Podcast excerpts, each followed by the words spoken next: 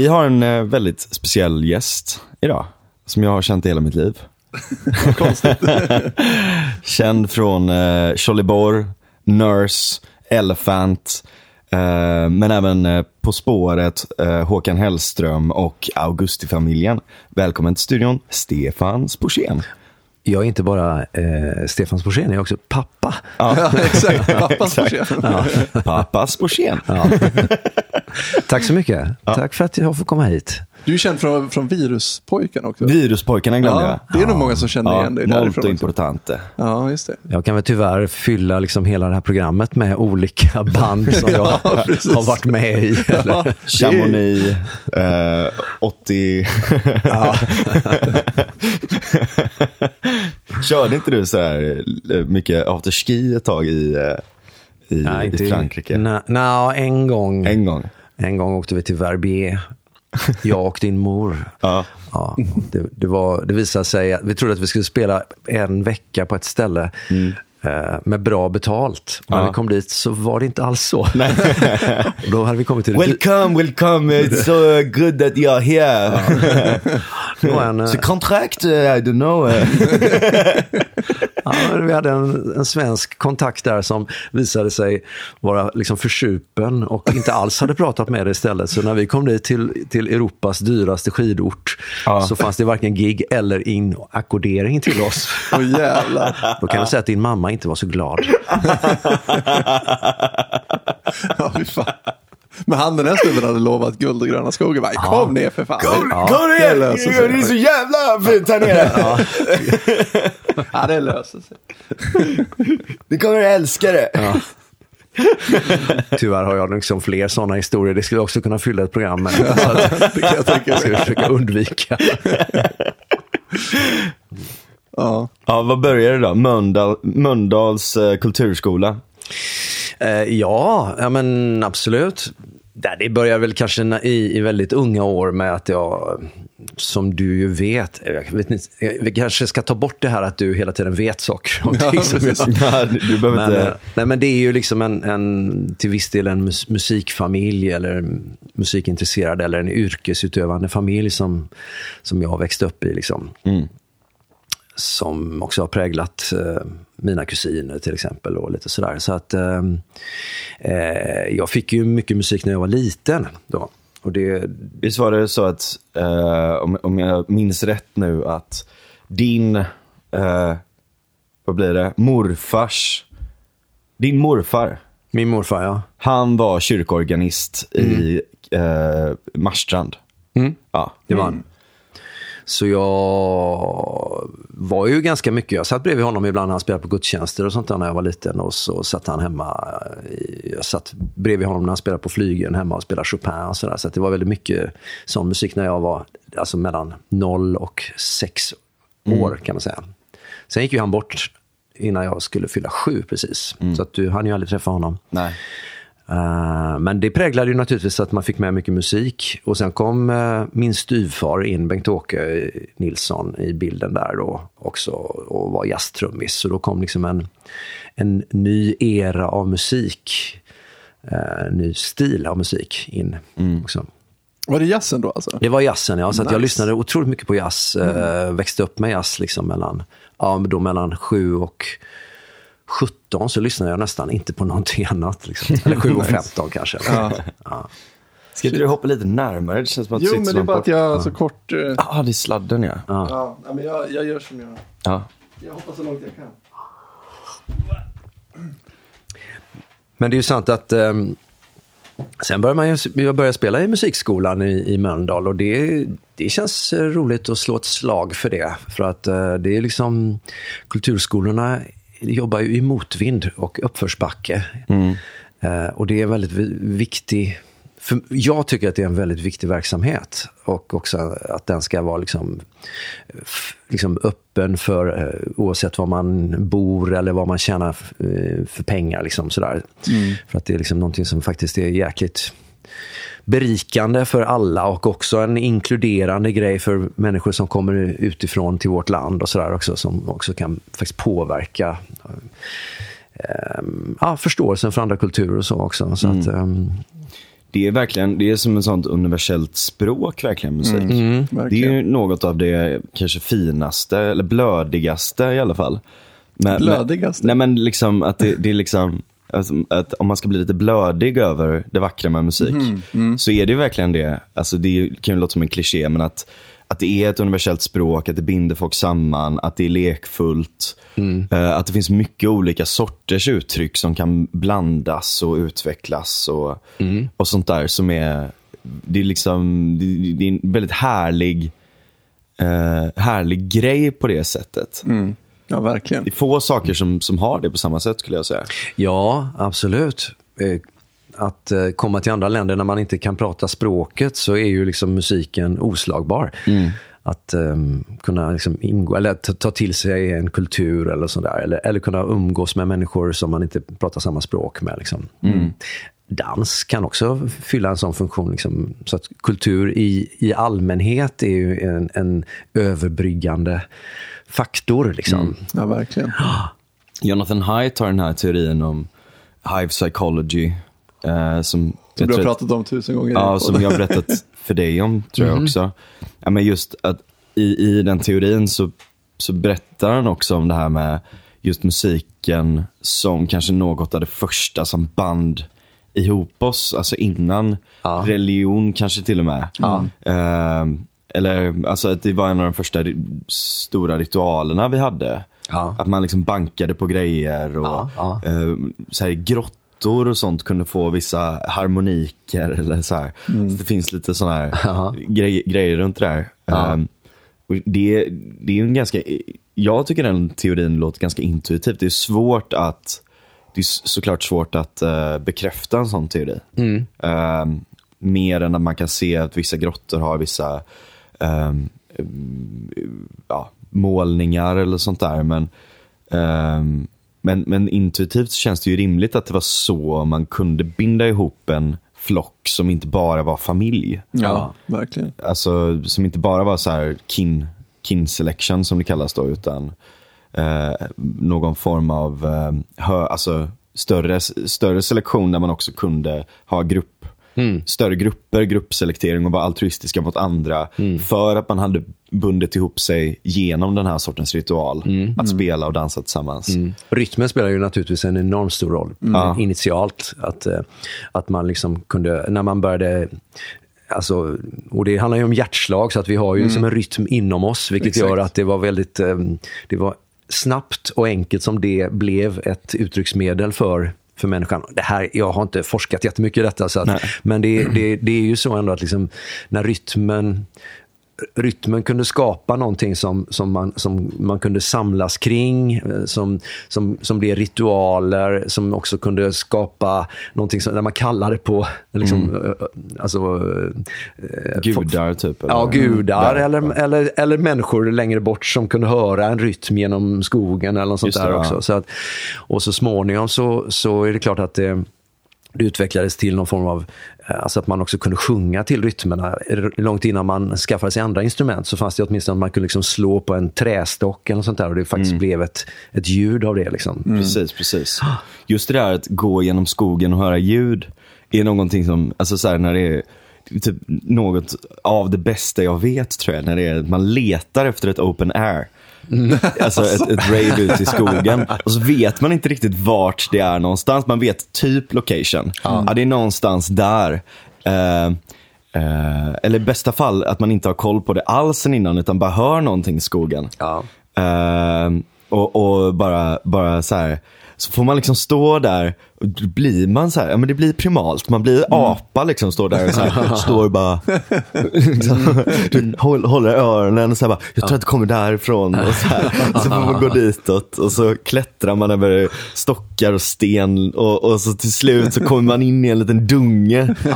Man ser lite ljus dansa liksom någonstans. så- hägring. Ja, exakt. Precis. Det är, det, är, det är få saker som jag tycker är så magiska. Dansas ockult. Ja. ja, men det är det. Det är ju, Det är alltså, den enda ockulta ritualen Ja. som vi har, nästan. ja, verkligen.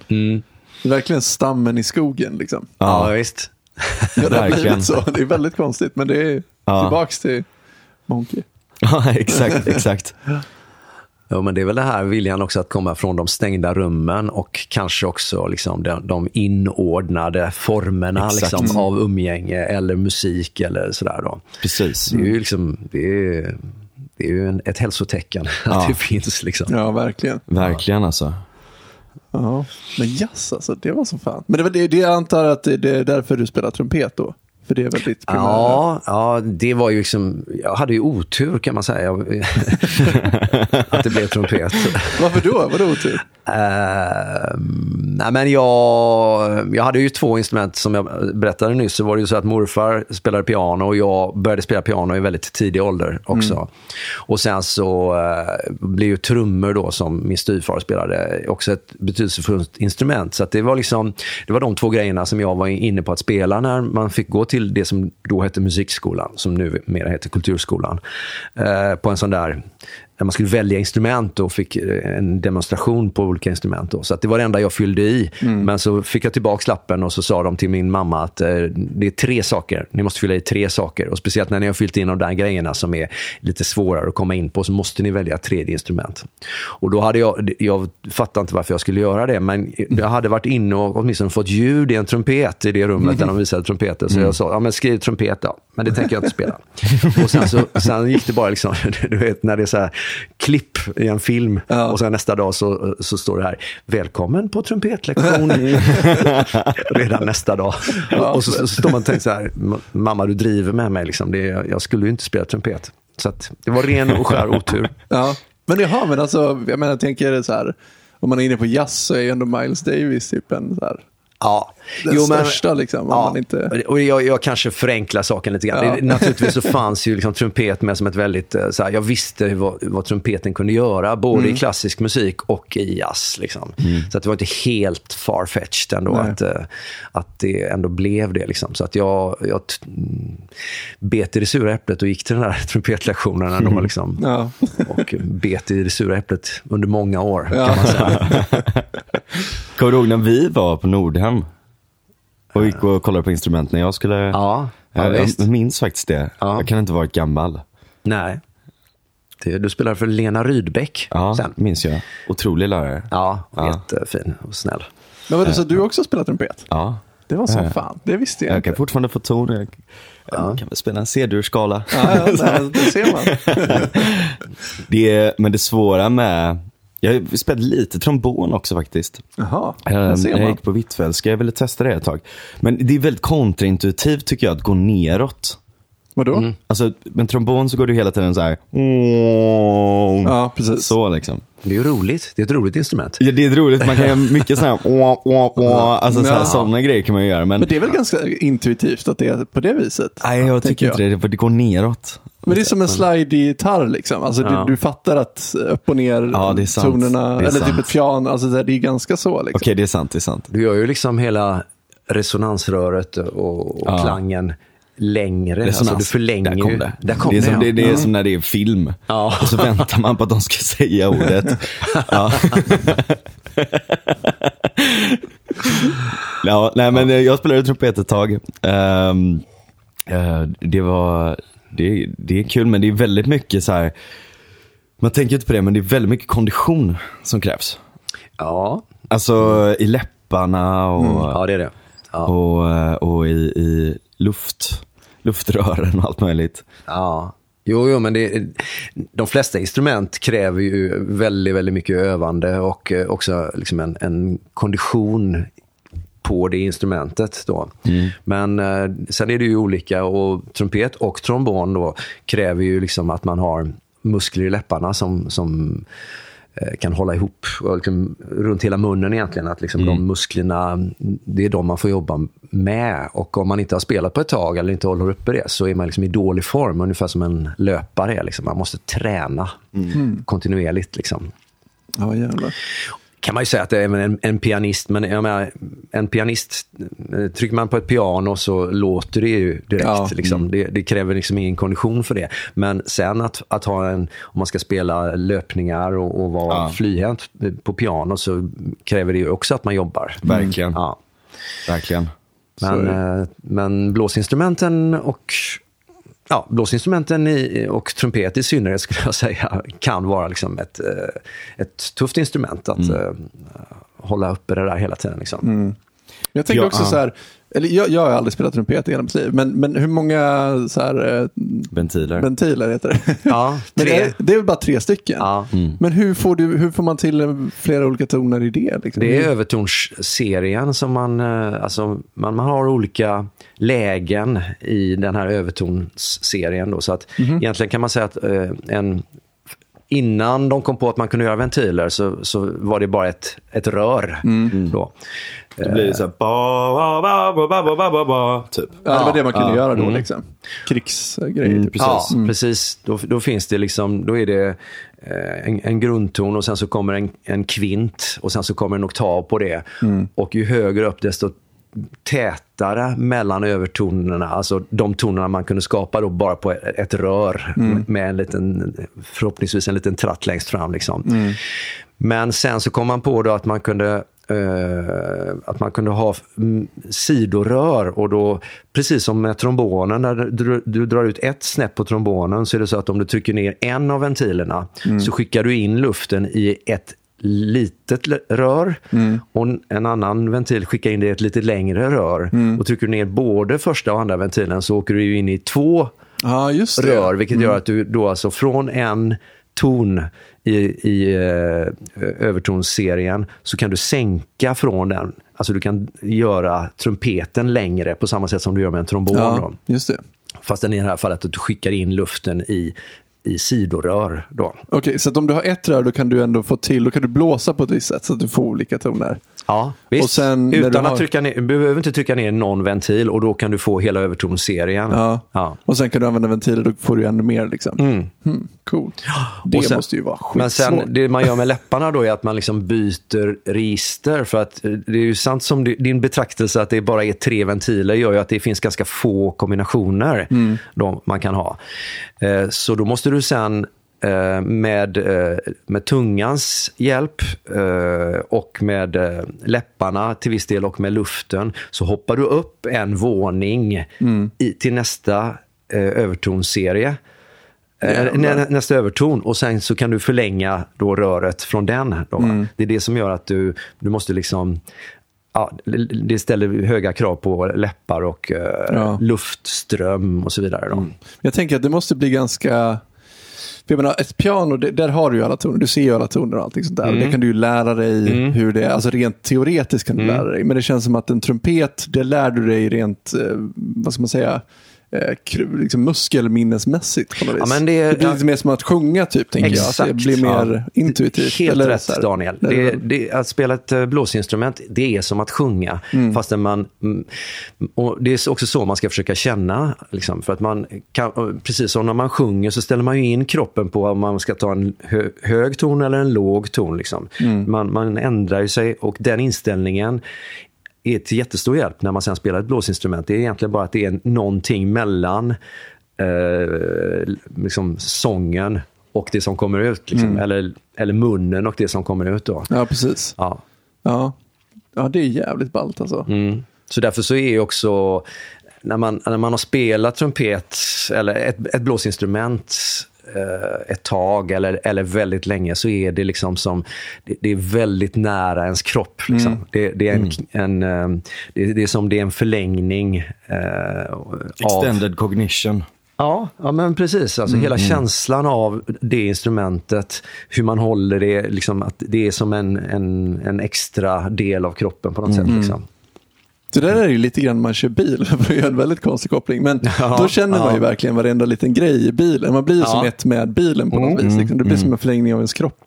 På det Ja. viset. Och ett, ja, det, så blir det väl säkert också med piano också kan jag tänka mig. Ja. Men, men inte på samma sätt. Det blir ju mer av en, Precis. en sång då. Ja. Det finns ju ett helt område i kognitionsvetenskap som behandlar det. Som heter ja, extended cognition. Då. Det är samma sak som om man har liksom en, eh, om man skulle råka ut för en, en sån hemsk olycka så man måste amputera en arm. exakt, så kan och så känns det fantom. fortfarande som fantomkänsla. Ja. Ja. Precis. Ja.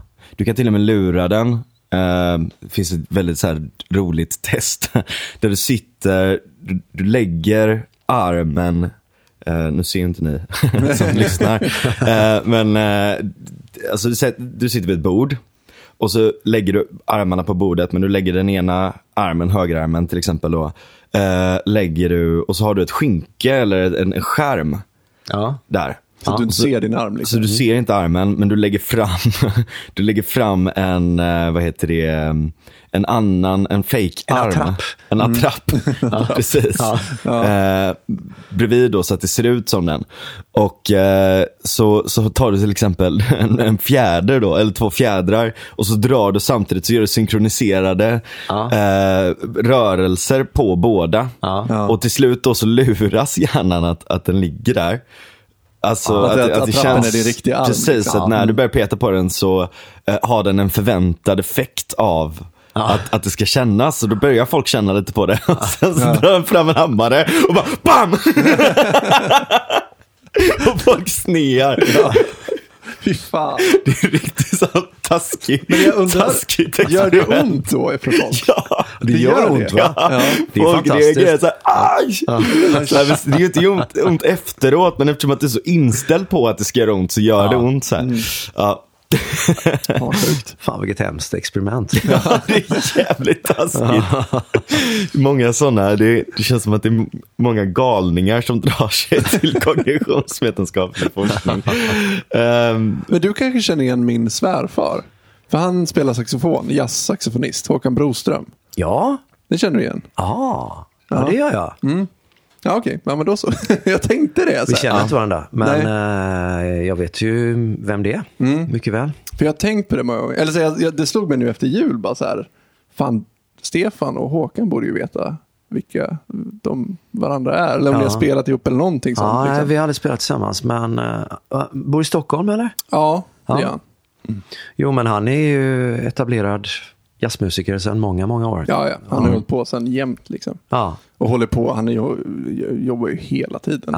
Så att han är ju igång hela tiden. Och har egna typ ju kvintett. eh, Ja, alltså eller- han har väl sina olika band, men det är ju Ja. mycket storband och han kör med Ebbot också mycket. Jaha. Storband. ehm, Det här som eh, var nu i, eh, på Stora Teatern mm. här, häromdagen bara? Ja, Ja. okej. ja, det, ja, det var nog, ja precis. missade det tyvärr. Jaha, ja, men det, det visste jag inte att det var din svärfar. Ja. Så att, eh, ja.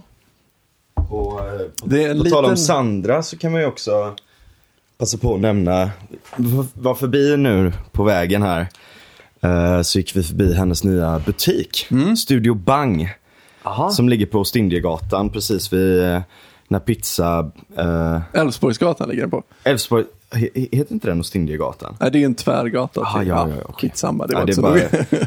Det är bara för att hållplatsen heter det som man tänker att den Ja, heter det. precis. Eh, Men allén där som går upp mot eh, Maria. Mm. Ehm, och eh, ja, men vi gick förbi där på vägen och kikade in. Den är ju superfin verkligen Ja. butiken. Så det, är, ju- det är min sambo då, som Mm. har öppnat en butik där. Jaha. Hon säljer eh, italienska lampor Nej. från Veneto. Wow. På tal, Ja, du borde som en segway dit. tillbaks hit till dig då. Ah. Ja, lite Vad- Murano-lampor. Ja. Oj, vad roligt. Då ska jag gå dit och kolla. Ja, men Ja. det. Ja. Kläder också. Ja, det är allt möjligt. Ja. Men det är primärt Italien som hon är intresserad av. Ja. Ja, ni åker ju ner nästan oftare än vi gör. Ja, man vill ju bara åka ner jämt liksom. Ja. Vi, för, ja, vi köpte ju en bil som vi åkte ner med och så fyllde vi med grejer. Okej. Och sen, eh, ja, vi har åkt ner massa gånger. Men Ja. För er som inte vet då så är pappa halvitalienare och kommer från Veneto. Eller alltså, förlåt, eh, farfar kommer från Veneto. ja. ja, Precis. Ehm, så eh, det, det är ju close, close to home. ja, det var därför jag tänkte att det var en perfekt segway tillbaks till våra samtal. Jag ska inte prata om mig. Nej. Ja, vad roligt. Ja. Ja men det, det är roligt. Där, är- det är ju, jag var med, jag vad heter det, Daniel har varit med i Andreas podd. Ja. Eh, Andreas Biros podd nu varsin gång. Och snackat också om Italien. Precis. Ja. Du får, kanske får gäster där också. Du kommer ha en sån här poddturné nu. Ja, precis.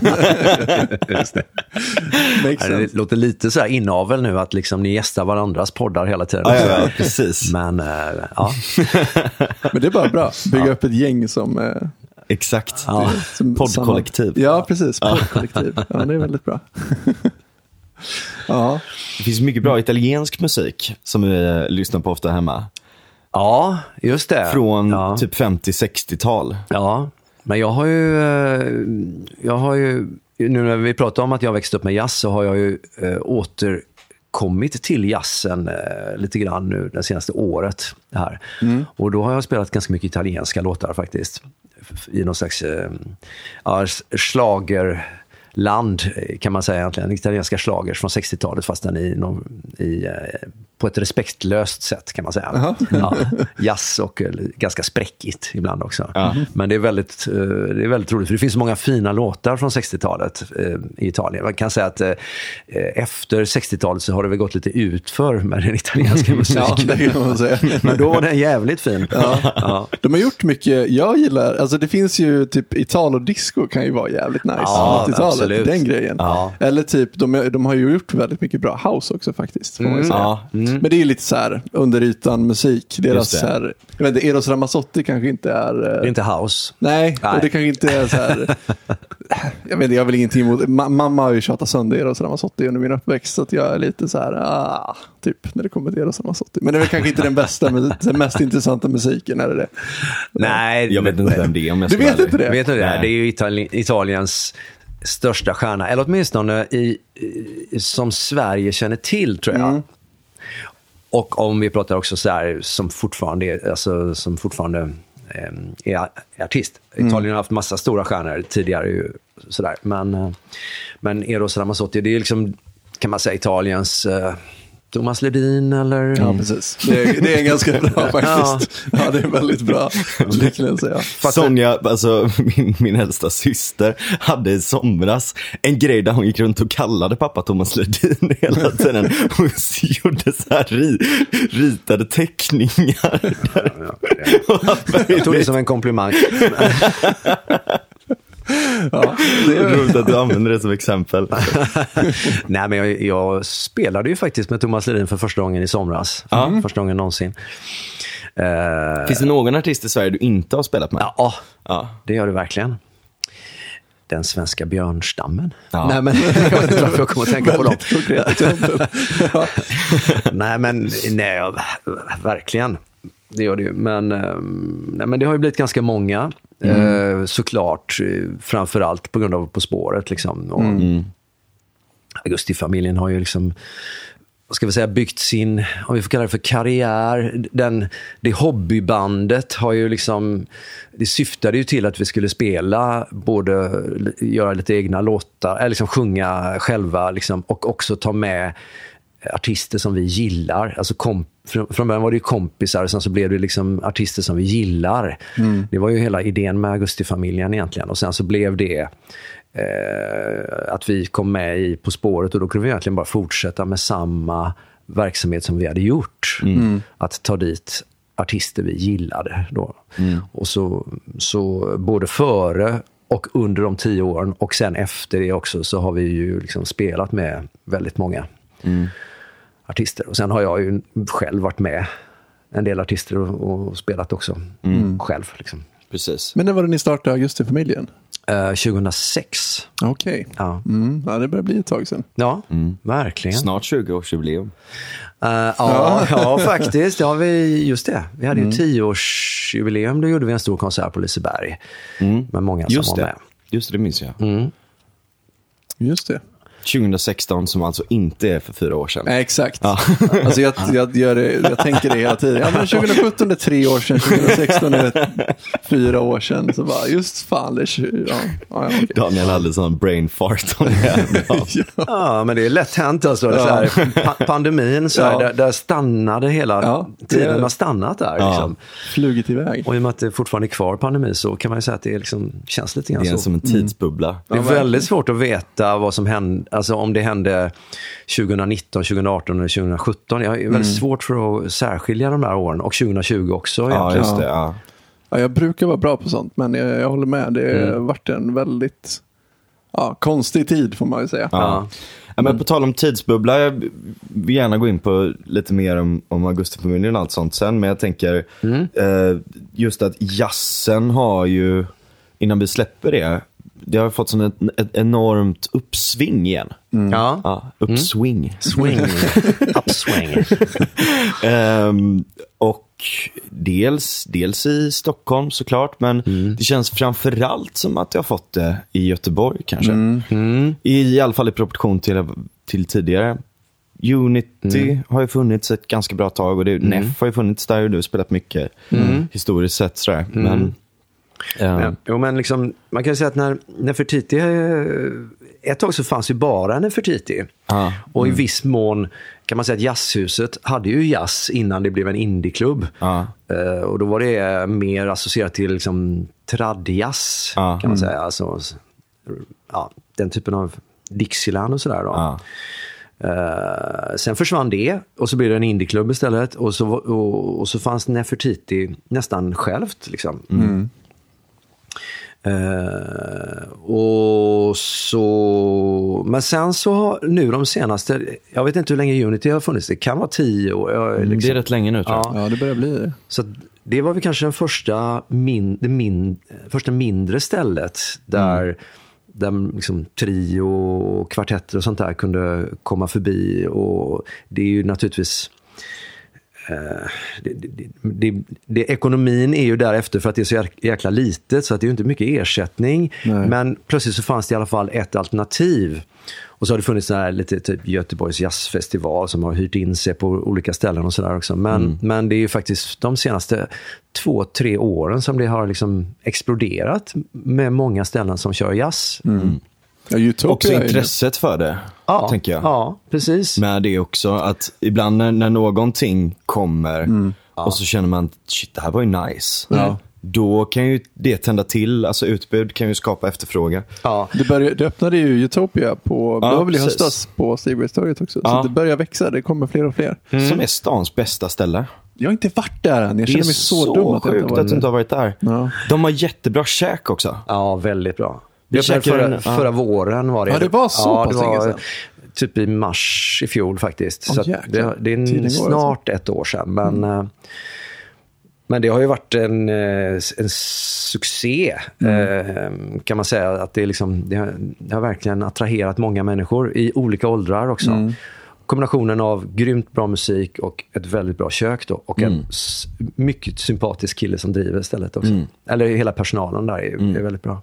Som också spelar. Eller hur? Eh, nej. inte han som... Nej, inte han som driver, nej. Nej, det är ju han som bokar där. Ja, det är Ju, han.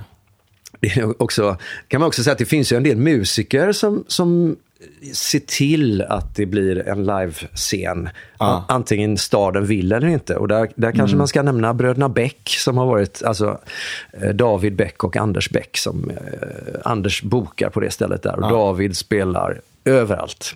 Liksom alla musikstilar, men han är en fantastisk jazzpianist. eh, Och, och så spelar mycket world music och spelar i Angered och Bergsjön och integrerar folk hela tiden. Fantastisk. Alltså, eh, min röst på Göteborgs stads kulturpris till David Bäck, skulle jag vilja säga. Ja. Men sen kan man också säga att det kommer, och David undervisar också och har fina nya elever också. Men jag tänkte just säga det att, att eh, det finns ju också en generation som är väldigt intresserad av jazz. En ung musikergeneration.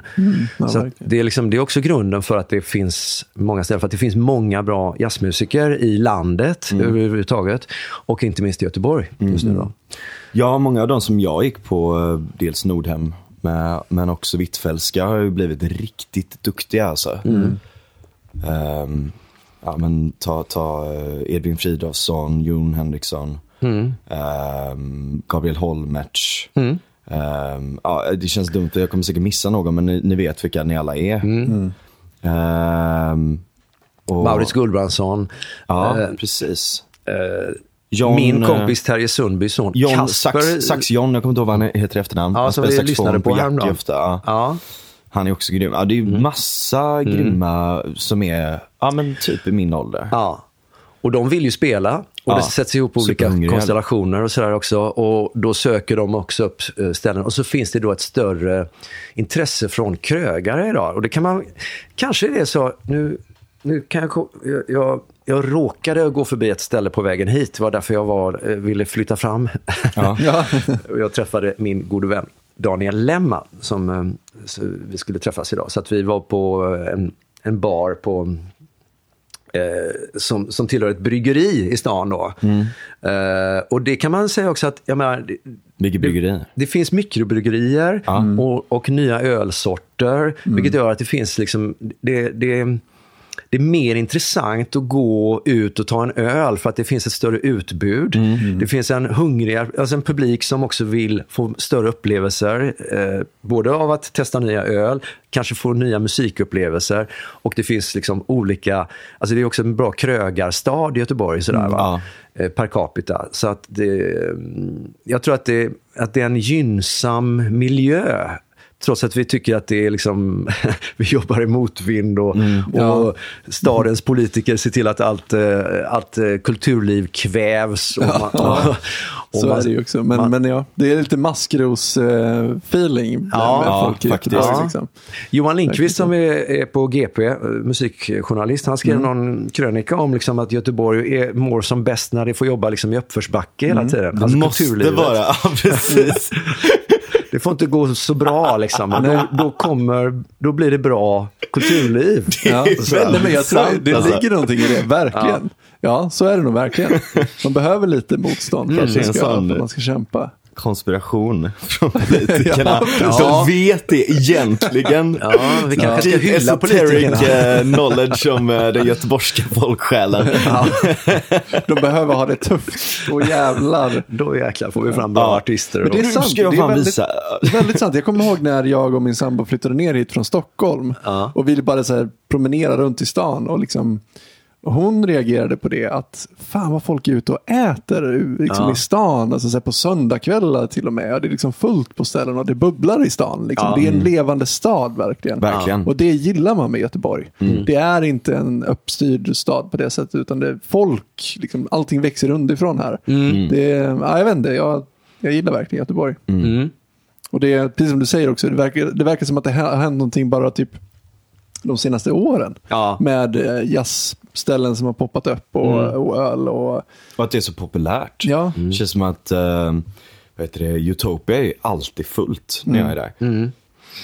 Ja, visst. På ett sätt eller annat. Ja, och så den, den, eh, nu blir ju det här väldigt lokalt då. Vi måste kanske vidga våra vyer snart och inte bara prata om Göteborg. men, eh, men just den, ja, just den, eh, den, eh, det området nu kring Stibergstorget har ju blivit liksom en, en explosion av både restauranger och, och, Ja. och klubbar och musikställen. Liksom. Det är ju Verkligen. exceptionellt. Verkligen.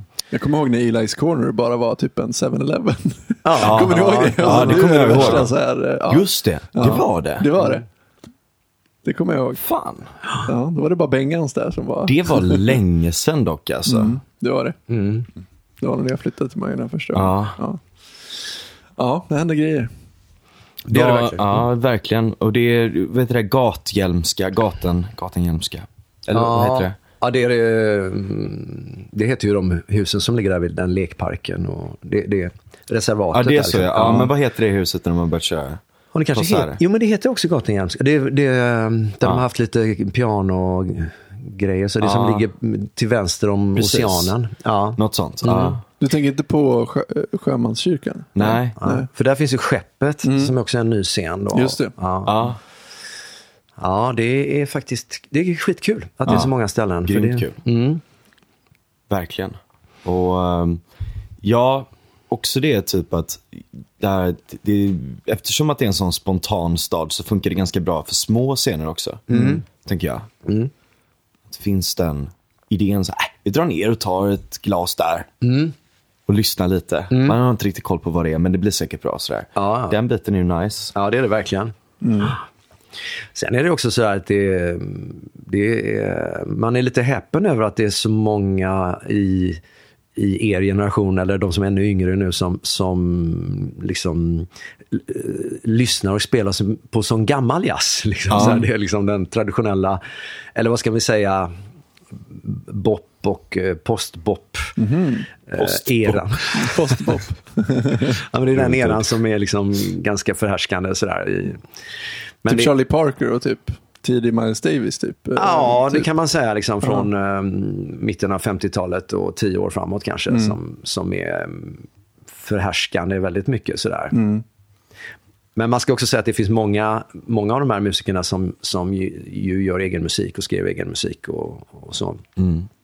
Och eh, jag ska inte generalisera så, men det, det, det är många som på ett lite imponerande sätt kan väldigt mycket inom den, den genren. Liksom. Och det är också en genre som, som, det gör ju en del äldre musiker och eh, musikälskare glada också. För att det är liksom, har, man, har man gillat jazz så är det liksom den perioden som är, kanske har varit tongivande. Liksom. För din svärfar kanske också. Ja, och och så är det ju. Verkligen. Ja, det går inte att hälsa på hemma hos eh, svärföräldrarna utan att vi han ska lyssna på jazz. Liksom. Ja. Eller, det, det, det är ju jättenice liksom. Det är Men en ni väldigt som, bra stil. ni som har snott hela Blue Note-estetiken, Ja. hur, hur kommer det sig? För att det är de snyggaste skivomslagen som har gjorts. Ja. Alltså, jag har ju köpt skivor i hela mitt liv liksom, och grävt i skivbackar. Liksom. Och man lär sig ju väldigt snabbt hur ett snyggt skivomslag ser ut. Så Ja. Jag kan ju se vad det är för musik. Liksom. Ja. Men då är det ju alltid, alltså Blue Note är ju de snyggaste skivomslagen Ja, som ja, finns. det är det. Så Ja. är det. Ja. Så att, eh, det var självklart när vi satte igång podden att Mm. det, det blir någon, någonting åt det hållet. Och sen har jag ju svävat ut ibland och gjort något helt annat. Men, men det är väl den röda linjen kan man väl säga. Ja. Blue Note. Mm. ja men så är det. Mm. Det var nog en del av deras eh, framgång. Han är, Ja. Ni vet vad han heter, han som formgav? Nej. Åh, Han heter, hette han inte? Det borde ju du veta. Ja, jag vet, jag vet. Eh, var tysk va? Det var Nej, väl men tyskar. han, han var ingen... Ja, de var tyskar som startade Ja. skivbolaget. Ja, men var han inte tysk han också? Nej, jag kommer inte ihåg sånt där. Nej, men, ja, men jag, han hette nämligen Miles. Ja, Miles. Också. Ja, Bra. Mm. Re, Reed Miles heter han. Just det. Uh, så Miles efternamn då. Men, eh, Mhm. Just det. men han var mm, ganska inspirerad tror jag av så här, tysk, alltså typ Bauhaus. Och, och, Ja, jag älskar ju Bauhaus-stilen också. Men, och det är så... så och då så- pratar vi inte varuhuset. Nej, Nej och det finns också andra varuhus. Exakt. Exakt. Ja. Det är så störande att jag inte det. inte, det är inte, du är inte på SR nu. Nej, okej. inte- Ja, men jag skrev... Bauhaus, alltså, om ni vill sponsra oss får ni gärna göra det. jag lät ju en AI göra förra omslaget till podden. Ja. Och då satt jag och sökte på det, liksom så här, Miles. Alltså så här, skrev in allting sådär. Alltså nu kommer jag inte på namn. Ja, Ah, ja, skitsamma. Ja, du visste det ju. det var bara någon vecka. Ja. Du har också börjat eh, spela in lite eget. Som Ja. jag fick lyssna på. Ja. Får, får jag säga det? ja, det kan du få säga. Ja. Och det har ju inte släppts än. Nej. Men det är väldigt, väldigt bra. Ja, tack. Ja. Mm. Jag har varit idag och jobbat vidare på det lite. Ja. Och du har en kvartett Jag har en kvartett. Mm. Som också är väldigt bra. Ja, det är fina, ett fint band. Ja. Det är också, det är också ett hobbyprojekt. Eller Mm. ett, eh, så här, jag brukar kalla det för ett terapiprojekt. Liksom, för Ja. att det, det var liksom under pandemin som jag... Som, när man fick tid för lite andra grejer och då fick jag liksom det här behovet av att jag, jag måste spela det jag växte upp med igen. Liksom. Och jag spelade ju ganska mycket jazz under min studieperiod, liksom, när jag gick på Musikhögskolan och de åren efter. Där, liksom. Eh, Så jag längtade tillbaks till det lite grann och sådär. Och, eh, men sen så var det inte självklart att jag skulle sjunga då, men, men så blev det så ändå. Så att nu sjunger jag och spelar trumpet där och så. Chet Nice. Baker style. Ja, det är nice. Ja, åt det hållet i alla fall. Och sen så har jag några egna låtar, både några nyskrivna och några gamla låtar som jag har lagt in i den här repertoaren också. Och de här italienska Ja, schlagerlåtarna också. Så en Kul, kul. Mycket spräcklig repertoar, men det är väldigt kul. Ja. Och så ska jag försöka släppa någon, eh, någon av de där låtarna eh, inom, ja, inom någon, om någon månad eller två sådär, kommer det ut. Spännande. Ja, väldigt det, kul. det låter väldigt spännande. Ja, det är jättekul, verkligen.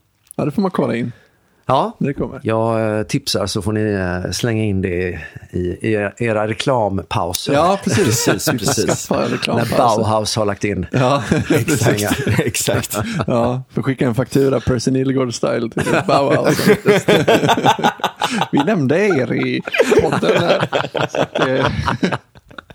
Det måste ju ändå alltid vara förebilden för när man gör sådana här Ja, grejer. liksom. exakt.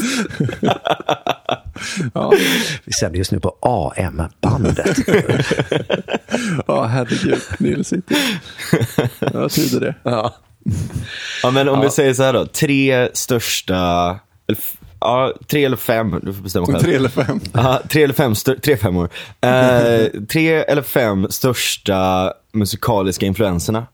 Jag hatar sådana listor. Eh, Okej, men ta, ta tre. Nej, men jag du ska försöka ändå. ja. Jag älskar det också. Ja. Men, men det är liksom, jag läste den här boken High Fidelity eh, och fick frossa hela tiden. Den, Vilken är det? eh, det är han, vad heter, heter han?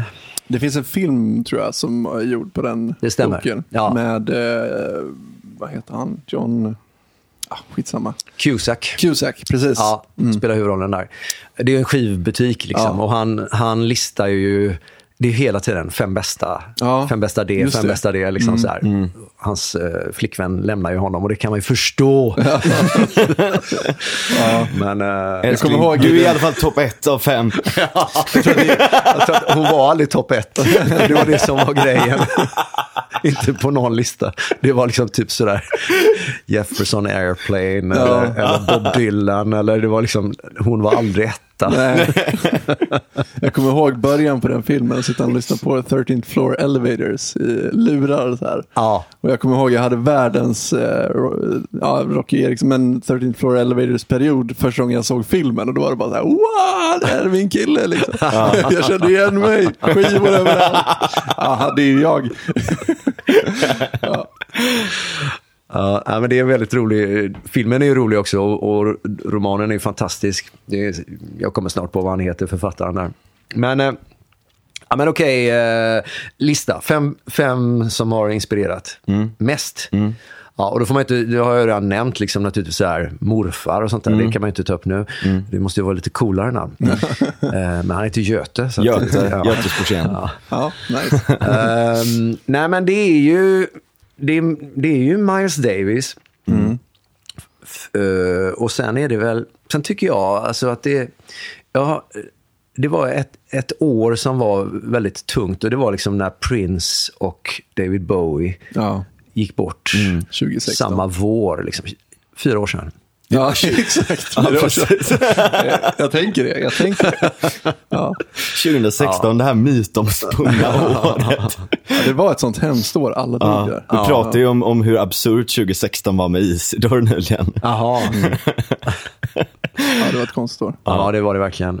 Men är båda de två med på listan? Ja, de, de är nog faktiskt det. Men, men liksom lite, vi, jag, det, det är ju, nu har jag ju sysslat med musik så, ja, så länge. Så att det är ju liksom, man har ju eh, passerat ganska många olika stadier. Och det, na, naturligtvis var det så att mycket av de, alltså de starkaste influenserna, de får man ju sådär mellan 15 och 20 eller 15 och 22 eller sånt där. Liksom. Och då var det ju en del grejer som, som puffade mig åt ett nytt håll. Från jazzen till, liksom, till eh, mer soul och, och eh, funk och pop och rock. Liksom. Och så vilket år är du född? Du, 65.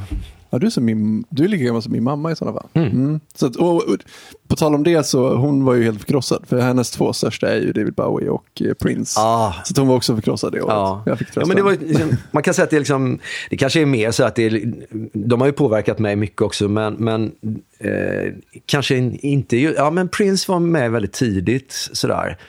Um, jag är ju... Jag är ju så...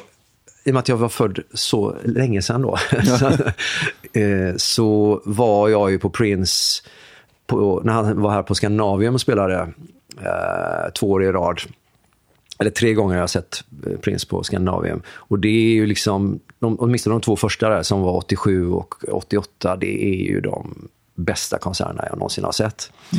Men då, det måste man ju säga också att det är, liksom, det är också en period i livet när man är som mest receptiv. Liksom, att man är så här, Extas. Ja, sådär. Men, men han, han hade ju någonting extraordinärt. Liksom. Det finns ju egentligen ingen som kommer i, i närheten av det. Liksom, som han kunde både liksom utföra i studion och eh, live. Sådär, va? Verkligen. Och han, är ju, han är ju en sån person som det kanske är svårt för människor som kommer efteråt att förstå varför och hur stor han var då. Samma med typ Jimi Hendrix eller många sådana. Ja. Att de satte liksom ribban. Ja, och sen verkligen. alla som kom efteråt var tvungna att anpassa sig Ja, till det. precis. Och då är det svårt när man kommer efteråt att fatta vad det var, vad gjorde han för speciellt? Jo, Ja. det var han som gjorde allting. Ja. Alltså, han är ju Det- en sån. Ja. Vi hade ju ett sånt avsnitt där vi pratade om just det där. Mhm, hade vi? Eh, kommer du ihåg om han Jay Dilla? Ja. När vi pratade om honom. Ja, precis. Vet du, vet du vem det är? Nej. Han är typ det fast för hiphopvärlden Ja, får man ju det, säga. Det kan man lugnt säga. Ja, ja, ja. Just det här att man vet inte kanske vem det är. Nej. Eller om man lyssnar på den nu så kanske man tycker att så här, men det här låter väl som vilken annan hiphop som helst. Ja. Ja, men det var han som kom på Ja. det, som Ja, blev precis. det som alla Ja. andra gjorde sen. Ja. Mm. Alltså just, just den biten i det. Och det handlar inte nödvändigtvis bara om den här originalitetsfixeringen. Nej. Men snarare de som kommer in och ger någonting nytt till världen. Ja. Alltså, men, men liksom bara, alltså så här, ingenting är ju någonsin helt nytt såklart. Men ändå att göra någonting som, eh, att bygga ihop någonting, ta lite olika grejer och göra någonting nytt av det. Ja. Som många av de här gör. Och som sagt då, sätter ribban eller, in, det, dels på ett på ett sånt sätt alla är så här, oh shit, hur ska vi överträffa det här? Men också som ger inspiration åt folk. Ja. Alltså, Och det blir ju ja. bortglömda. Alltså, Ja. de, för att det är någon annan som, som tar, eller, eller, eller inspireras kan vi väl säga Ja. kanske. Och, och Som hon är- Doris vi pratade om. eh, Ja. Bra Göteborgs- exempel. Göteborgs ja, Doris. Ja, Ja. jävlar alltså. Ja. Legend. Legend. Ja, Men hon, vem, hon lever ju än idag. Ja, det gör hon. Men, Men hon vart? vill inte gigga. Nej. Nej, det vill hon absolut inte. Hon, hon tycker att hon har gjort... Hon, hon var bra en, en period och då var det... Liksom, så vitt, nu ska inte jag säga vad hon känner, men, men jag vet att hon, att hon eh, tycker att hon, hon, hon sysslade med det då och då gjorde hon sitt bästa. Liksom, och så Ja. vill hon inte... Hon vill inte jag tror att det är ganska rent av henne att göra på det sättet. Ja, Att precis. Liksom inte dyka upp topp. plötsligt igen. Liksom. Ja, men Ja. precis. Men det, det är hon som har gjort den här da da da da ba, ba, da, da, Ja. Did you give the world some loving? Ja. Ja, precis. Exakt. Da, da, Jävla röst, alltså. Ja. Janne Loffe Karlsson på trummor. Exakt. Ja. Fantastiskt trumspel. Ja. För er som lyssnar. jag vet att ni vet- vet vilken det är, men... ehm, ja, Janne Loffe Karlsson, ja. Och Loffe kom från en, en eh, tv-serie som heter Någonstans i Sverige. Då spelar han eh, en eh, karaktär där som heter Loffe. Det var, en sån Var det där det kom ifrån, Ja. liksom? Det var en slags... Eh, jag kommer inte... Jag hoppas jag säger rätt nu, men det, det, det var så här typ eh, lumpen-serie liksom. Eh, Ja, men han har väl gjort några lumpenfilmer. ja. Jag har inte så bra koll på film, svensk, så här gamla... Tjejen som gjorde lumpen. Nej, det är inte den va? Tänk på typ repmånad och sånt. Repmånad gjorde han. Ja. Är det någon sån här fäbodjäntan eller? Nej, nej, för tusan. Det är en komedi med uh, Goldie Hawn. Ja. Fäbodjuntan har vi nu istället. Eh, Men var det inte han och Bo Hansson som hade... Jo. Ja, precis. Hansson och Karlsson hette Ja, just det, precis. Legendariskt. Ja. Bra grejer. Men nu, Nu- vi måste fortsätta med listan. Ja, vi tillbaka. Och så vill jag också sk- skjuta in då, för det, var in, det är intressant det här med liksom, eh, folk som har inspirerat till olika grejer. Eh, och där måste man ju nämna Beatles. Ja. Eh, och då, eh, just nu spelar ju Beatles en stor roll i mitt liv, liksom för att jag är med i en föreställning som, eh, på Stadsteatern eh, med Beatles musik och sådär. Liksom. Så att, Pepperland. Nice. Pepperland heter bandet som jag det, får ja. hoppa in och förstärka där. Ja, jag kan verkligen rekommendera. Mm, det låter väldigt spännande. Jag insåg det när jag var där och såg er. Att det, man har ju lyssnat på låtarna så mycket, men man kanske har hört någon spelas någon, du vet så här på Beatles-konserten i, i vad var det, åttan på Nordhem. Så spelade man låtarna. Ja, ja. Sådär, men det är inte så ofta man hör dem live. Nej. Och ni gör det riktigt, riktigt bra. Så att det, är- det är verkligen eh, rekommendation Ja. att se. Mm. Ja, men den, den ska fortsätta ytterligare någon säsong, den här föreställningen faktiskt. Men, ehm, men det man kan... Kuriosa och sånt också mellan. Ja, precis. Ja, men det är, informativ. ja, det, den är ganska... Ja, men den är så här, en positiv föreställning kan man Mm. lugnt säga.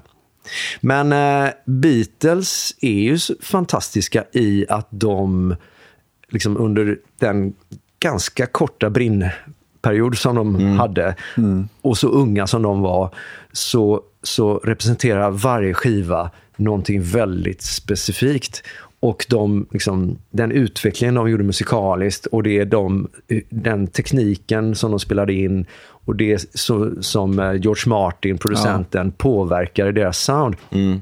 Det gör liksom att, eh, när vi pratar om Jimi Hendrix, att eh, liksom folk eh, ha- han var först och sen är det en massa andra som har försökt att låta så. Med Beatles är det så att där finns det liksom band, man kan, eh, vi behöver inte göra det nu, men man kan liksom handplocka band, framförallt kanske från Storbritannien, som Okej, de påverkades av den skivan. Och sen har de byggt hela sin karriär på den skivan ja, av Beatles. Och det här bandet påverkades av den skivan från Ja, Beatles just och byggt hela sin, sitt sound och karriär från det. Liksom. Exakt, det är det coolaste att det är inte bara en grej som de revolutionerar. Nej. Nej, Utan det är gång på gång på gång på gång. Ja. Där. Det är mäktigt alltså. Jag kommer ihåg att jag gjorde ett misstag. Första gången jag träffade min svärfar, nu pratar jag väldigt mycket om min svärfar, men första gången jag träffade honom, han är ju ett stort Beatles-fan Ja. också, verkligen. Och då kommer jag ihåg att vi satt och snackade musik vid, eh, vid matbordet. Liksom. Och han sa till mig, så här, men Daniel, gillar du inte Beatles? Jag bara så här.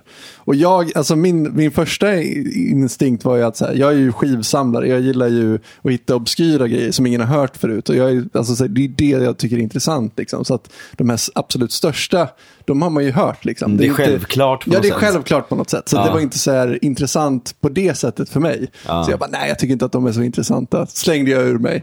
Jävlar vilket dåligt första intryck jag gjorde. Alltså, då spände han ögonen i mig och bara så här, vem fan är du? Vad fan sitter du här med min dotter? Ja, så den har jag fått äta upp genom åren.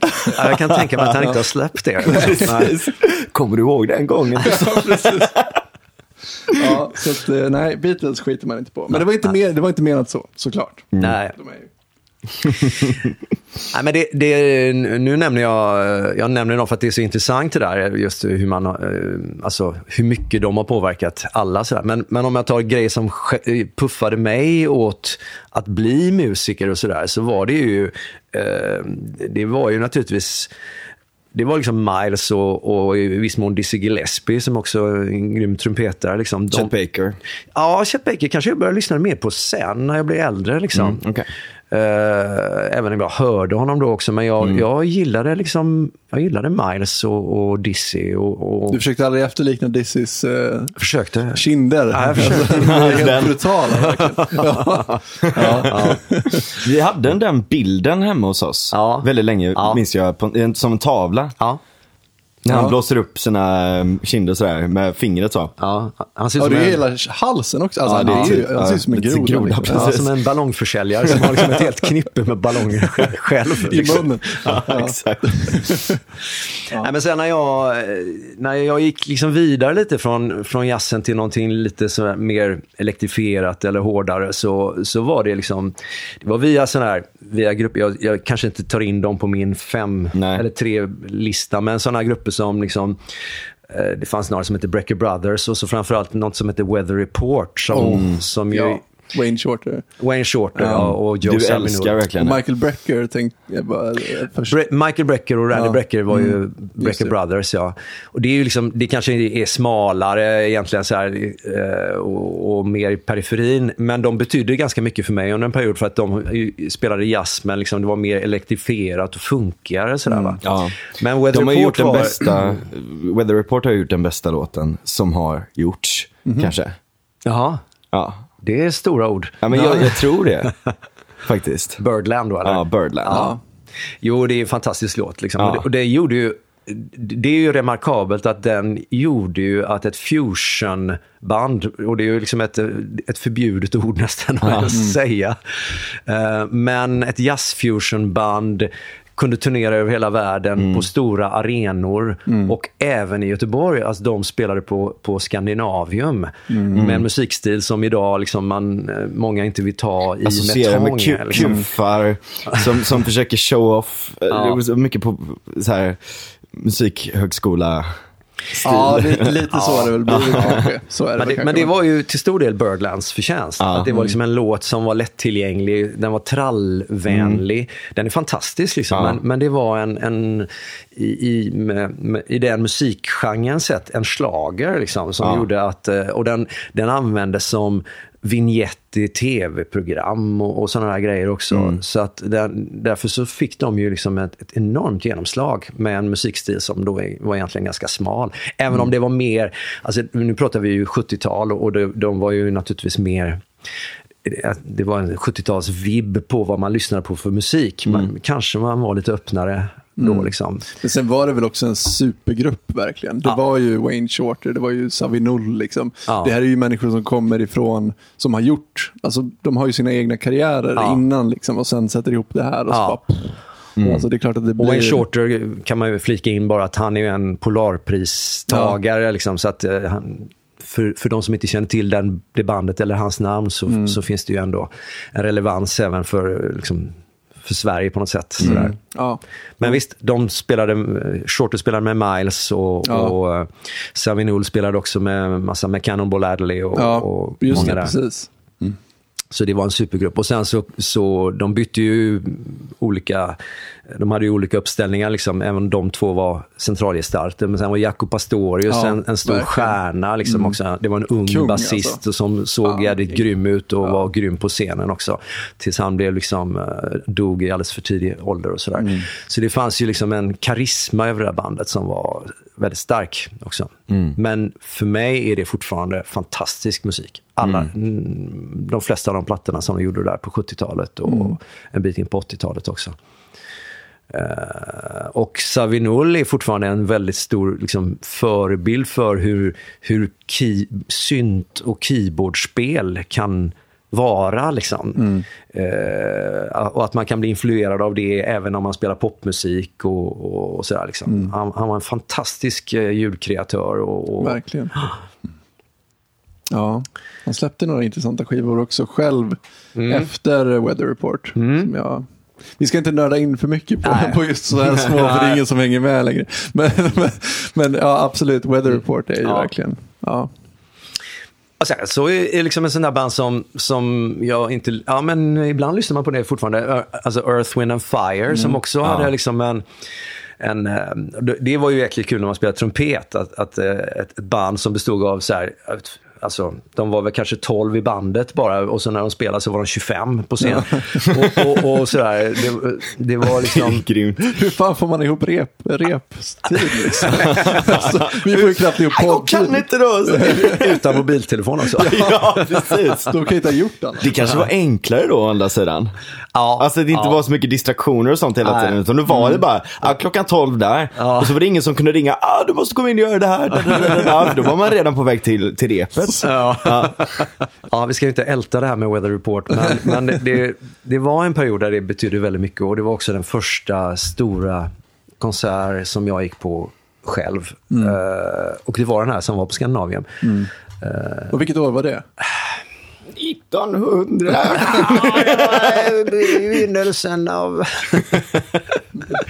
Nej, men det kan ha varit... Alltså jag var ju... eh, det kan ha varit alltså sådär kring 80.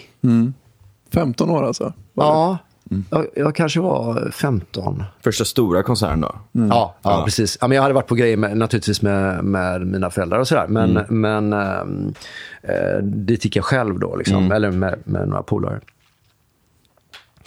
Eh, men sen... ehm, ja, men sen så... eh, Sen är det också sådär att liksom, om man går vidare så, så var också Steely Dan ett, eh, ett band som, som man så småningom började lyssna mer och mer på också. Sådär. Inte minst när man gick på musikhögskolan, liksom, eh, eller de åren där slutade gymnasiet och man började på musikhögskolan. Sådär. Och det, är ju, det betraktas ju liksom som musikermusik, men, men på ett sätt så kanske statusen för det bandet också har höjts med åren. För att det är, liksom, det är många sådana här...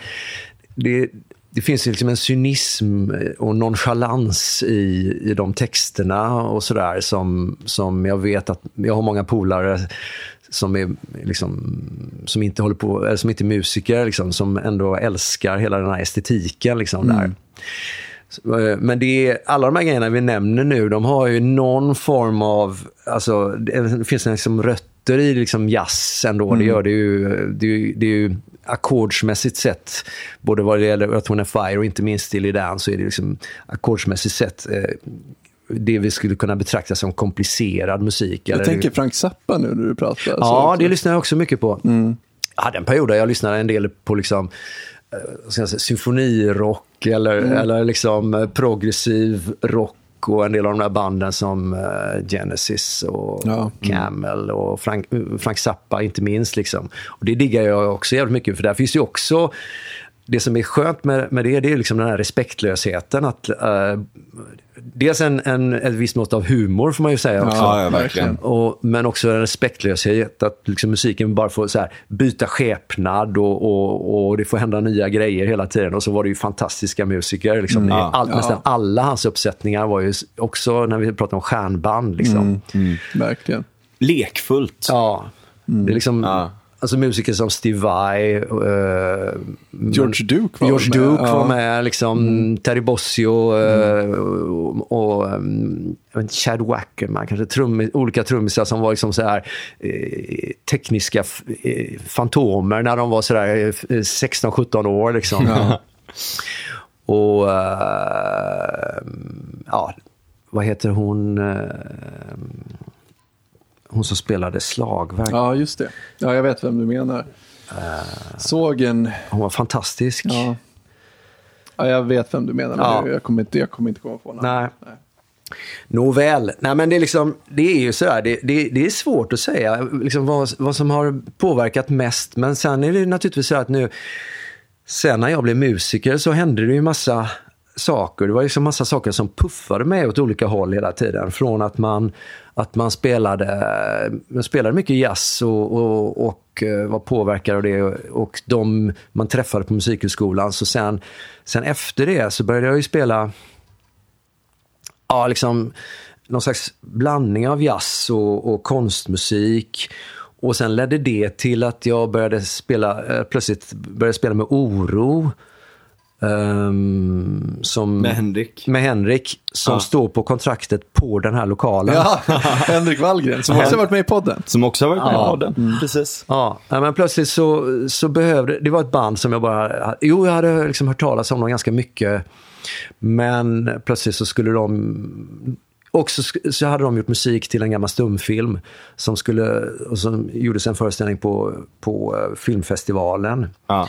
Göteborgs filmfestival. Och då var jag där och tittade på det och tyckte att det var det mest fantastiska jag hade sett. Och nästa dag ringde de och frågade, eh, för då hade han som spelade trumpet och keyboard hoppat av efter första föreställningen. Oj. På grund av att Henrik hade blåst eld i huvudet på honom. Varför makes det så mycket sens när du säger det? Alltså, det, det, det låter helt rimligt när du säger det. Ja, jag förstår också varför han la av. Ja. Men jag är inte ett ont anande eh, som liksom var helt bländad av den här föreställningen. Liksom, tyckte att det var det mest fantastiska jag hade sett för att det var så visuellt. Liksom. Jag tackade ju ja och sen så var jag med då när vi turnerade med den föreställningen. Och, eh, så då träffade jag Henrik och, och eh, fler i det bandet, som Paul Eneroth till exempel, som också blev betydelsefull för mig. För att vi, jag var med, vi spelade och gjorde flera grejer, flera uppsättningar med oro. Men det, det var en stor inspiration, en väldigt stor inspiration för mig. För att där plötsligt så började man spela, det var ju liksom någon form av, det kallas för cyberpunk, ett helt vansinnigt ord. Men det var, det var liksom, det var en slags punk men elektroniska instrument och lite sådär einstürzenden påverkat för att det var liksom skrot och man spelade på olika grejer och sådär. Eh, och sen så var det en... ehm, Det är en stil nu, cyberpunk. är det det nu igen? Ja, det, du vet steampunk. ja. Du vet, alltså Ja. den estetiken och det Ja. där. ja, just det. Cyberpunk är ju det fast så här futuristiskt. eh, Ja, men det är ju, har ju varit länge. Vad heter den Ja. filmen? Ja, det är ju Från, eh, till exempel Neuromancer. Neuromancer är väl Ja. cyberpunkens... eh, Birth. Jag har försökt Ja. börja läsa den men jag tappar bort mig hela tiden. Jag lyssnar bara på ljudbok när jag vad försöker heter sova. den? Tron. Tron. Tron. Ja, Ja, precis. dels den. Men jag tänkte på en annan film med, ehm, är det Harrison Ford? Tror jag, om jag minns. Inte Blade? Runner. Blade Jo, Runner. Blade Runner. Precis. Blade Runner, ja. Är inte det en Jo, det är sån? också cyberpunk. Ja, Ja. precis. Precis. Ja, så det är väl ja, det är en gammal stil. Inte Ja, som- ja, men de tog Men det är upp en del... supertrendigt nu. Ja. Och det bandet tog ju upp, eh, innan jag kom med, ehm, så hade de ju liksom rustningar, eh, någon form av så här, liksom, postapokalyptiska rustningar och sådär. Liksom. Det slapp jag, men, men vi, vi hade osynlighetskåpor när vi spelade, till exempel. Åh jävlar. Eh, alltså att, och det, det var liksom så här, nu hade jag ju spelat lite teater och sånt innan så att jag var inte helt främmande, men ändå så var det liksom från att, att musiken, det man spelade var det viktigaste, punkt. Så var det det man framför, alltså det som, det visuella och det som publiken nåddes av. Helheten, Det var det viktigaste. Det, musiken ingick i det, men det man drabbar publiken med, det var det viktigaste. Och det var liksom en stor ögonöppnare för mig. Vi hade liksom projektioner. Det var en, en bildkonstnär som gjorde projektioner, Labbe Siltberg, eh, som nu är så här etablerad eh, konstnär. Och eh, Jan Eneroth målade stora muralmålningar bakom när vi spelade. Henrik blåste eld på alla som kom i vägen. så det hände ju väldigt mycket visuellt medan vi också spelade då. Liksom. Och Henrik sjöng också. Så att det, det, det var det skulle man egentligen, om jag ska säga så här, på den här topp 5-listan vad som har påverkat mig. Så att träffa dem och vara med i det sammanhanget var en enorm skillnad för mig. Liksom. Och när talar vi tid nu ungefär? Ja, det här är 93. Eh, 94 kanske till och med. 94 är det nog. Kände du Henrik innan? Nej. Nej. Det var trombonisten i bandet, uh, Noose, Ja. eh, som vi kände varandra. Och han visste att jag spelade trumpet och, eh, och keyboard också. Och att jag kunde spela liksom lite fritt sådär. Men han tog med mig dit och de visste att jag hade gått musikhögskolan och var extremt misstänksamma. Vad är det för någon jävla nörd? Jag kommer komma hit med noter. Ja, precis. Det var, det, det var ju som, ganska ofta sådär i, i de sammanhangen. För att just när jag slutade musikhögskolan så spelade jag bara med människor som inte, eller mycket med människor som inte läste noter. Som inte alls kom från den världen. Liksom. Det var, och det gjorde jag under, under de åren också. Som jag gick på musikhögskolan. Och- det, det är väl kanske det som till viss del har gjort att jag har kunnat navigera i någon slags pop-rock-landskap. Liksom, att man började spela vid sidan av de här ordnade sammanhangen väldigt tidigt i ålder. Liksom. Så. Eh, och sen ledde ju det vidare, då att jag spelade med dem, ledde ju vidare till att jag och Henrik skrev några musikdramatiska verk. Eh, Liksom Frankenstein på, på Stadsteatern med Fredrik. Wadling. Ja. Eh, där Henrik skrev pjäsen och han och jag gjorde musiken tillsammans. Eh, och den var ju väldigt påverkad av liksom, eh, den, alltså drum and bass och, och eh, någon form av industri.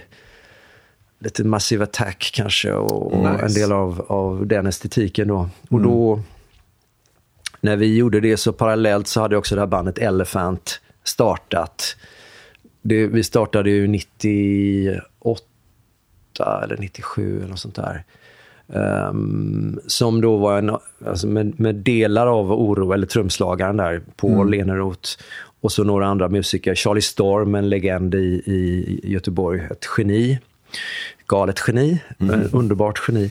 Eh, och vi började, då hade liksom den första drum and bass-vågen precis kommit igång och vi började labba med loopar och spela live liksom, och trigga loopar live. Och så spelade jag trumpet och keyboard och vi bara improviserade kring det där. Men så småningom så, så började vi göra låtar i den grunden. Liksom. Drum and bass house och, och jungle.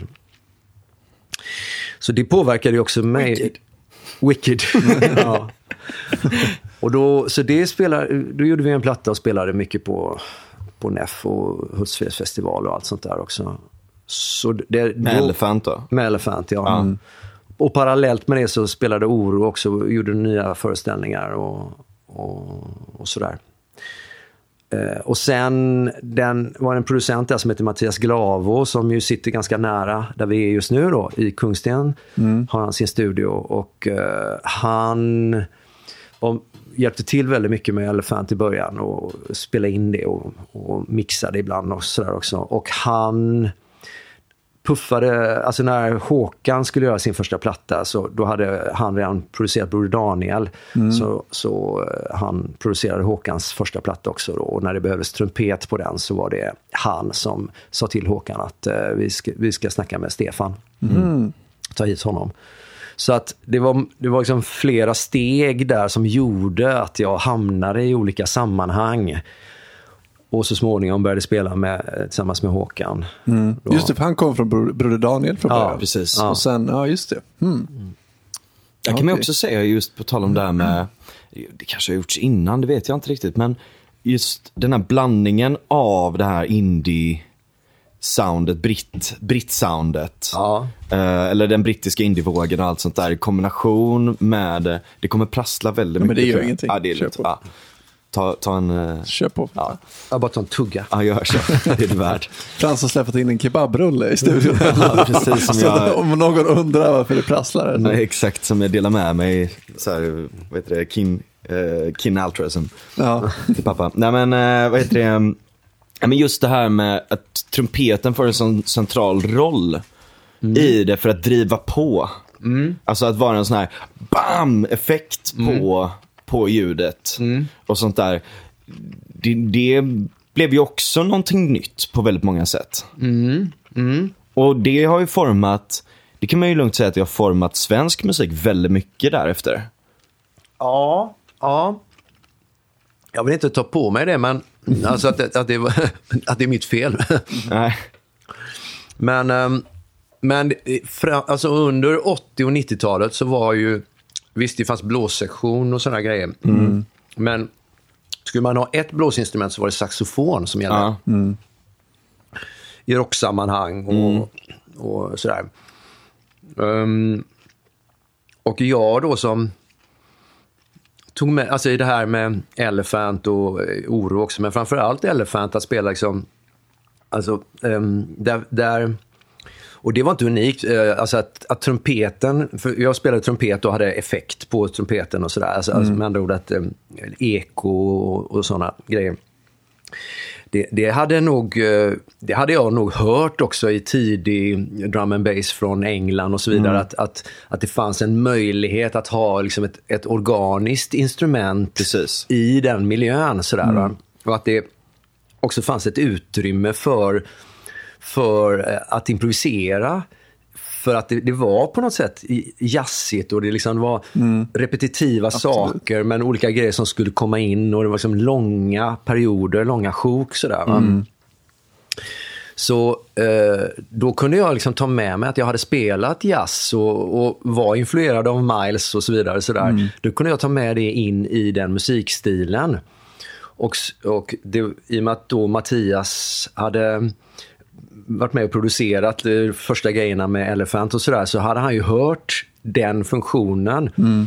Och, och då fick den en möjlighet att ta del av den här indie Alltså eh, att i Håkan, Håkan gav ju mig en, en väldigt fri roll. De, eh, först spelade vi in några låtar men, men sen när jag fick vara med på den första turnén så fick jag en väldigt fri roll. Som kanske inte alls var så vanligt och det kan man ju säga att det var ju väldigt modigt av honom. Verkligen. Att göra Verkligen. så. Eh, så Jag kunde spela solo eller jag kunde spela med gitarrerna. Liksom, ehm, för jag, det tog ju massa år innan jag började spela piano i Håkans band. Jag spelade ju bara trumpet i början. Eh, och det var, det var modigt. Och det, det kan ju, i och med att han ändå fick ett enormt uppsving i starten och sådär, så kan det nog ha påverkat till viss del att, att det fick vara en trumpet som var, fick en sån tydlig roll. I en, musik, i en popmusik, liksom en som så här skranglig popmusik. Så va? Sen fanns det ju andra, fanns ju brittiska band som hade det och det fanns liksom Madness eller Ja, eh, liksom andra sådana band där. Men ehm, Mer det ska-hållet. Mer det. ska Ja, ja, precis. Men det kanske påverkade till viss del att, att liksom andra band sen, eh, att trumpet fick en, en, en viss roll och sådär. Liksom. Mm. Florence Valentin tänker jag på. Ja, ja, visst. Kör ju på det. Och sådär. Många andra också. Men okej, så du var med Håkan från början liksom? Ett halvår in, eller ett år typ eller? Ja, men de hade ju spelat in lite innan. Eh, och sen så gick han in i studion och, och eh, hade släppt eh, första singeln, Känn ingen sorg. Eh, men när han skulle göra sin fullängdare den sommaren 2000 så då, då, eh, det var någonstans i slutet av juli eller början av augusti där som, som det behövdes trumpet på en låt och så blev det på lite låtar till då. För att det var så kul. Och så även sen med The Plan också. Theodor Ja, just det. Jensen. Mm. Den första turnén med Håkan började på hösten där. eh, Så då, då var jag med på den första större turnén där. Eller ja, den riktiga, första riktiga turnén. Då. För han breakade rejält då redan Ja. väl? Det var ju inte som att han växte på folk, utan han slog igenom. Bara så det stod liksom. Härliga till liksom. Ja. Direkt. Han blev liksom en, det blev väldigt fin, eh, fina recensioner direkt. Så här, det, han slog an en helt ny ton på något sätt. I eh, texterna och hans sätt att sjunga och, och hans sätt att vara också lite grann. Alltså scenmässigt sett då. Som, som inte hade funnits någon motsvarighet. Det hade varit ganska alltså, shoegazing eller lite deppigare eller Ja. mer sådär liksom att man skulle vara kreddig eller sådär. Och så plötsligt så, så kom han med någonting helt annat. Och, Eller så här kult, kultliknande formen som BD var.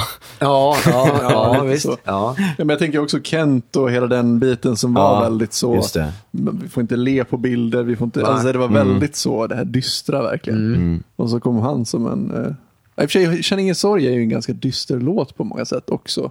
Men han hade ju en Fast den är helt... väldigt durig samtidigt. Ja, Ja, men den, den har ändå ett mörker liksom. Men sen var det som att, Ja. puff, och så blev han, ja. Mm.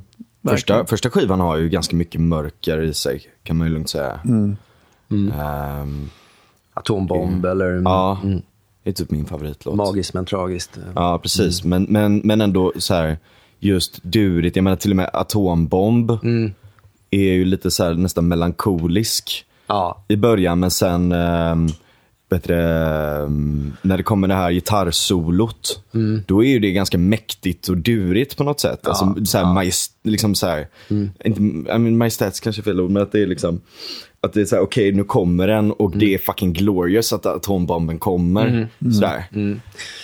Alltså att Precis, det ja. finns, det, Men den är ju, den går ju, den är ju en durlåt hela Ja. låten. Alltså, så att det, det är mest att, Ja. eh, att eh, texten är, är ja, liksom, exakt. bygger upp någon form av suggestion. Att det är liksom en, en ja, tungt. Liksom. Precis, precis. Ja, men så är det med många av dem. Det är länge sedan nu. Det får man säga. Ja, 23 år sedan den släpptes. ja. Men sen, eh, okej. Eller nej, 22. 21 Måste släpptes hela vi, skivan. måste vi komma över det här med att det är 2020. Precis. 2023. exakt, exakt. Ja. Men, Ja. sen, men sen dröjde det till 2006 då, alltså innan Augustifamiljen Ja, bildades. ja, det gjorde det. Det var... eh, För det är det jag tänker, Augustifamiljen det är ju liksom Håkan Hellströms band. Men det är Nej, inte det är inte det. Ja, men för mig är det så. Jag vet inte varför jag ser det så. Eller Nej, men det är för att det... det, det, I början var det ju typ det. Ja, det, det var ju så att ehm, eh, 2006 hade vi gjort en turné ehm, på sommaren där och sen så visste vi att det skulle vara en, en lång paus. Liksom. Jag hade, tidigare så var det så att man, vi turnerade och sen så var det så, så var den um, turnén man kanske hade turnerat lite på vintern och så på sommaren. Och sen så nästa höst så var det tomt. Liksom. Och då fick man göra andra grejer. Eh, och jag hade lite tur några år där att jag... Alltså jag, jobbade ju med andra grejer också. Jag gjorde filmmusik och lite saker där under den perioden också. Eh, så att jag hade ju andra sammanhang att vara med i. Men första, precis som du sa, första, hå, första hålet där, liksom 2001. Vem är jag? Ingen alls. Jag finns ingenstans. Ja, exakt. Jag rör mig snabbt. Det, har vi pratat om i podden tidigare. ja, ja, ja den, den var jag in, det var ett av de där projekten, musik, Ja. eller filmmusikprojekten. Förlåt, nu avbröt jag dig. Fortsätt. Nej, men först så spelade jag med The Plan 2001. Mm. Och sen så var det Håkan nästa år igen. Och sen det glappet som kom sen, då var jag, spelade jag med um, Jens Lekman. Mm. Um, Som sitter här nere. Gör han det nu? Ja, han sitter en våning ner tror jag. Jaha, han tog över den? Han, är, nej, han delar den väl med eh, några, några andra Ja, okej. snubbar. Nice. Kul. Ja. Ja, eh, ja men, och sen så, och så vet jag inte hur det var de kommande åren, men, men just efter det, den 2006 då så, så då hade vi liksom, vi visste att, vi skulle, att det var ett år vi inte skulle spela tillsammans, men vid det laget så hade vi liksom verkligen spelat ihop oss som band. Vi hade utvecklats ganska mycket som band och eh, började liksom, vi, vi hade blivit väldigt nära vänner. Eh, som en familj liksom. Och eh, vi satt i turnébussen och spelade upp musik för varandra. Ungefär så här, vilka är dina fem bästa låtar? Så. Eh, så och liksom tipsat varandra. Och man, och det var också en så här, för mig en, en period där jag började lyssna på en annan musik och, och eh, liksom mer, liksom, man lyssnade mer på Dylan eller på liksom en del av de nya banden som kom också som Daniel Gilbert, var ju ett väldigt bra bollplank där. Han hade alltid bra tips på grejer. Liksom. Eh, så då, då kände vi liksom att vad kul om vi kunde spela några av våra, favoritlåtar som vi har tipsat varann om här och, och kanske sjunga någon låt själva liksom, och hålla uppe ångan. För att vi hade liksom en jäkligt bra energi när vi kom tillbaka med turnébussen till Göteborg där för sista, efter sista spelningen. Så då, och så tänkte vi kanske kan spela med några polare, alltså några av de här artistkompisarna vi har. Sådär. Så då satte vi, vi hade ett par polare som skulle driva en kl- klubb. Så jag vet inte liksom vad, det ena gav det andra på något sätt i alla fall. Att, eh, eh, jag vet inte om de frågade först eller vi sa att vi hade ett band, men, men eh, vi, vi satte fyra spelningar på, eh, på Henriksberg. Eh, och that, det skulle vara det skulle bara vara det, de fyra spelningarna. Och så hade vi lite olika gästartister varje, varje kväll. Och första kvällen så, till exempel så var det både Ebbot och eh, Theodor Jensen från The Plan. Då. De var med första kvällen. Och då... Eh, och då var det var ju, eh, vad ska vi säga, det var Daniel Gilbert och Oskar Wallblom och Labbe Grimelund och jag från Håkans band. Och i den vevan så var John Engelbert också med som gitarrist, men i, precis i den vevan så John slutade Ossie. han. John Ossie, ja.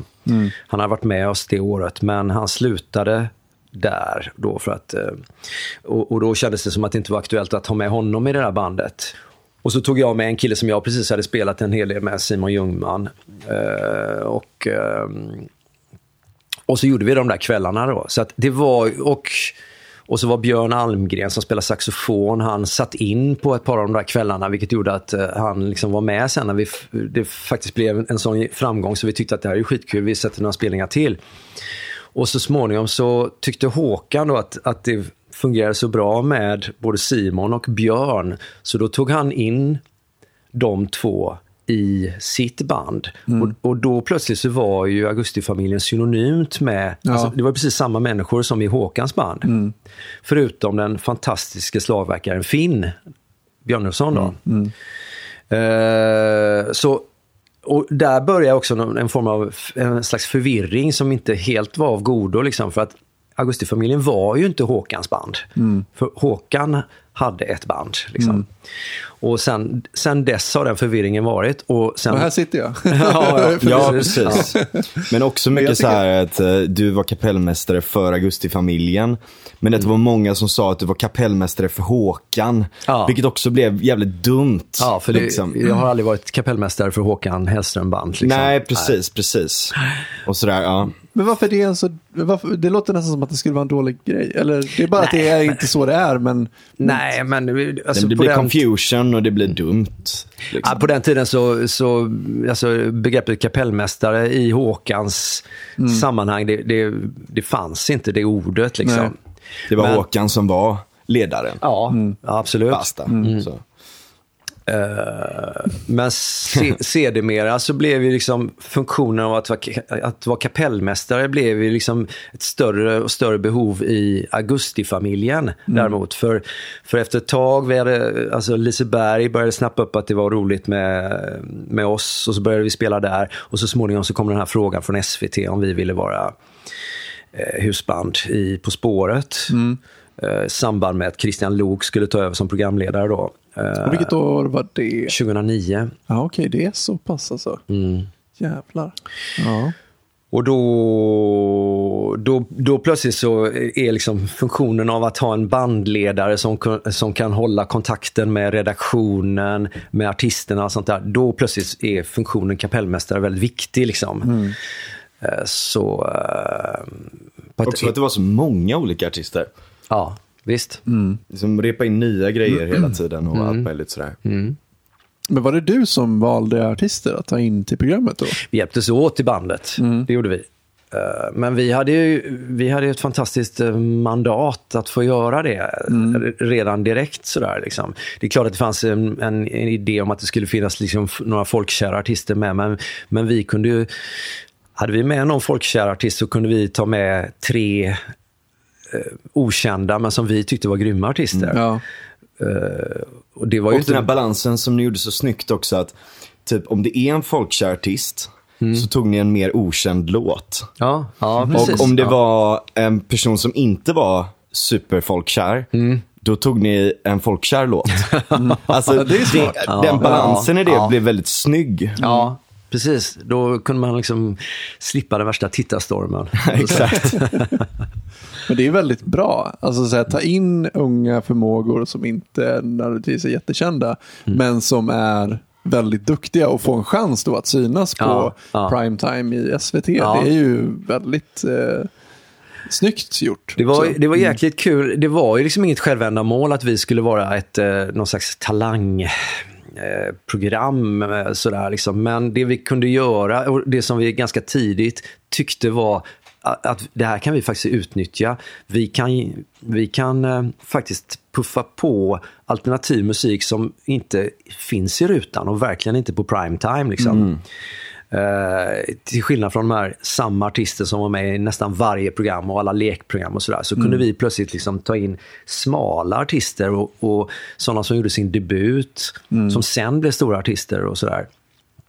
Så vi, det är klart att vi, det var inte vårt uppdrag, men någonstans så, så snodde vi ju möjligheten och, gör, mm. och, och, och, gjorde så. Liksom. Mm. Mm. Ja, det är väldigt nice. Är det någon du tänker på specifikt sådär, som var så här, den tog vi in och sen poff, eller, tack vare mig. Ja, tack vare mig. Ja, vill du ta på dig någonting? Don't you want me baby. nej, nej, nästan alla de artisterna eh, har klarat av det själva och de mm. har inte liksom de har inte breakat på grund av På spåret. De har möjligtvis nått ut till en, en större publik, eller en bredare publik, eller en publik som kanske inte ens skulle liksom uppmärksamma den typen av musikstil, mm. och sådär, men som plötsligt har gjort det. Mm. Så de har, eh, en del har nog fått ett, en, vidare en publik. Liksom. Ja. ja. Men sen ja. så kan jag säga att de som har blivit stora, har gjort det bara för att de är bra. Mm. Och kanske att de har haft en, bra management eller så också. Men, men framförallt att de är jäkligt bra då. Mm. Men, men jag kan, alltså några av dem som var med, det, utan att säga att det är vi som har skapat på något sätt deras hype, men som vi... Ta på det. Som vi med. Ja. ja, men det är ju sådana som Miriam Bryant som mm. gjorde sitt mm. första tv-program med oss. First Aid Kit. Mm. Gjorde också det. Mm. Ehm, Tove Lo gjorde också det. Det var jag som tjatade på det, att du skulle ha med First Aid Kit. Ja, just det, för du har träffat dem ja. Ja, jag ja. träffade dem 2008 på Fleet Foxes konsert på uh, Way Out West. Ja. Mm. Pappa, du måste lyssna på de här, de är så bra. Så här, ja, det var så. Ja, ja, verkligen. Uh, jag vet inte om det var första tv-programmet, men de var ju med väldigt tidigt. Mm. De har varit med flera gånger med oss, eller två gånger i alla fall. Och de har varit med själva också nu på, på senare år. Ja, exakt. Mm. De har haft uppdraget själva. Jag är ju en stor de tittare är... På spåret kan jag säga. jag kan. Ja. De är, större, de är superstora First Aid Kit nu, framförallt i USA och sådär också. Ja, ja verkligen. verkligen, verkligen. Grymt. Ja. Nej, men sen när, när de kom tillbaka sen så var det ju en ynnest att de ville göra det. Exakt. Än, liksom komma tillbaka sådär. Men det, det är ju som, vi har haft väldigt roligt med artisterna mm. sådär. Det, det, har varit jäkligt um, Det hör man ju kul. också från dem ofta. Alltså att det är många som tycker att det är så kul att, att, att, att spela mer. För att det är, ni är, ni är grymt tajta, men eh, inte rigida. Alltså just att, att ni kan ta ut svängarna lite, och ni kan göra lite olika sorters grejer och anpassa er ganska mycket mm. för att ni har spelat så mycket tillsammans. Mm. Att, att, ni, att det går att ta ut svängarna lite Mm. och, och um, hitta, hitta ett sound som funkar Mm. för den artisten och allt sånt där. Det, det är många som, alltså som, som när jag har hängt med och, och hängt och, och snackat med många av dem som verkligen är så, tycker att det är så kul verkligen att spela med er. Det är väldigt fint att höra. Mm. Ja, det är det. Ja, verkligen. verkligen. Det är, det är också så att det är, i bästa fall så har vi kunnat, alltså de gångerna som vi har haft med artister, utom om man inte pratar om På spåret som är ganska viktigt att det blir bra då, men en del spelningar vi har gjort så här, har, har vi ly- lyckats skapa en miljö där det liksom är sådär att det, det är att, att det, det är inte så jäkla viktigt om det blir liksom hundraprocentigt eh, rätt. Men däremot gärna 100% bra. Ja, men att det, liksom en, att det är en så här skön atmosfär och eh, en avkopplad och att man leker med musiken. Sådär. Och kanske kan slippa det där att man ska prestera någonting med backtracks och att det ska vara så jäkla Ja. perfekt. Liksom, sådär. Ja. Eh, Och det tror jag kanske vi fortfarande eh, lyckas med ibland med, med en del av dem vi spelar med. Liksom. Verkligen. Men hur, fan var det? hur funkade processen? Liksom? Säger, för, för jag, jag, vet, jag har ingen aning om, men jag antar att man spelar in På spåret varje vecka. Ja, under, under en period, eh, det, alla programmen komprimeras så att man gör kanske flera program på en vecka. Har man några dagar ledigt och sen så är det ett nytt inspelningssjok. Sådär. Mm, okej. Ja. Och då liksom, hur lång tid har ni på er att hitta folk? Får ni veta vilka låtar ni ska spela eller hur, hur funkar det? Nu Liksom? måste vi tala imperfekt också, för jag, nu gör ju inte jag det här Nej, längre. precis, nej. Eh, Och dessutom så är det också så att eh, de som gör det nu, det blir en passus detta, men nu gör ju ett band gör ju tre program. Mm. Vi gjorde 13 program. Eh, så det är, det är en viss skillnad också. Sådär. Därför så tror jag att vi, eller framförallt jag var ju med tidigare i processen nu finns det en musikredaktör som är med tidigt i processen. Det fanns det inte då, utan det var jag, då var jag med tidigt i processen på liksom, när det började eh, etableras vilka orter som var med. Eh, det, det var jag, vi aldrig med och bestämde naturligtvis, utan det, det, som fick planeras ganska gott, länge i förväg. Sådär.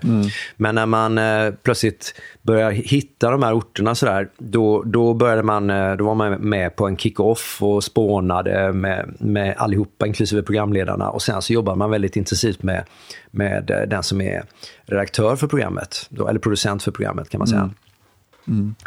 Och, och börja spåna och så med bandet också. Sådär. Och, och då är det, är det liksom ett pusslande av både vilken typ av musik kan man tänka sig, vad har vi om vi tar den här orten, låt säga att vi, att vi tar Köpenhamn, liksom. vad, vad associerar vi musikaliskt sett till Köpenhamn?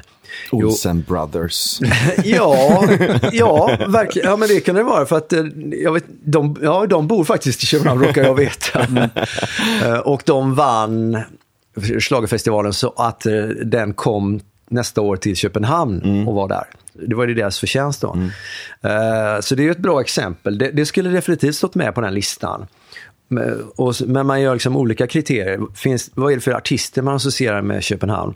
Vad är det för musik som man associerar, eller låtar. Finns det några låtar som handlar om Köpenhamn? Eller, eller liksom, vad, och om man inte hittar någonting bra där så börjar man tänka på, okej, vad står Köpenhamn för? Eh, jo, det, det, det är känt för de här och de här sakerna. Finns det någon musik som handlar om de här och de här sakerna? Liksom?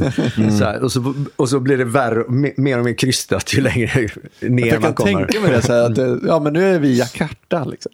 Ja. Ja, Lycka till, gör någonting här för Ja, det här. ja, Liksom. Hur ja. fan får man ihop det till en musikkoppling Ja. som Nej, man kan associera till Ja, vem som helst? Ja. Och helst vill man ju att det ska vara liksom en rätt så schysst koppling. Helst, helst vill man spela musik från det landet. Det är bara att det är, s- dels är det svårt för att man ska kunna spela liksom, folkmusik från olika länder. Det är inte helt lätt som musiker.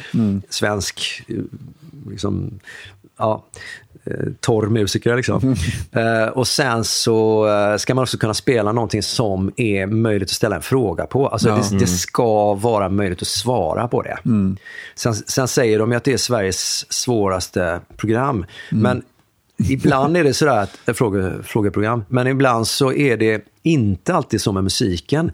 För att man, där, ibland var det så att man inte vågade ta ut svängarna. Och det, det tror jag inte de gör nu riktigt heller. Att det är liksom sådär, Ibland gör de det faktiskt. Ibland är det jävligt smalt. Och det var det när vi gjorde det också.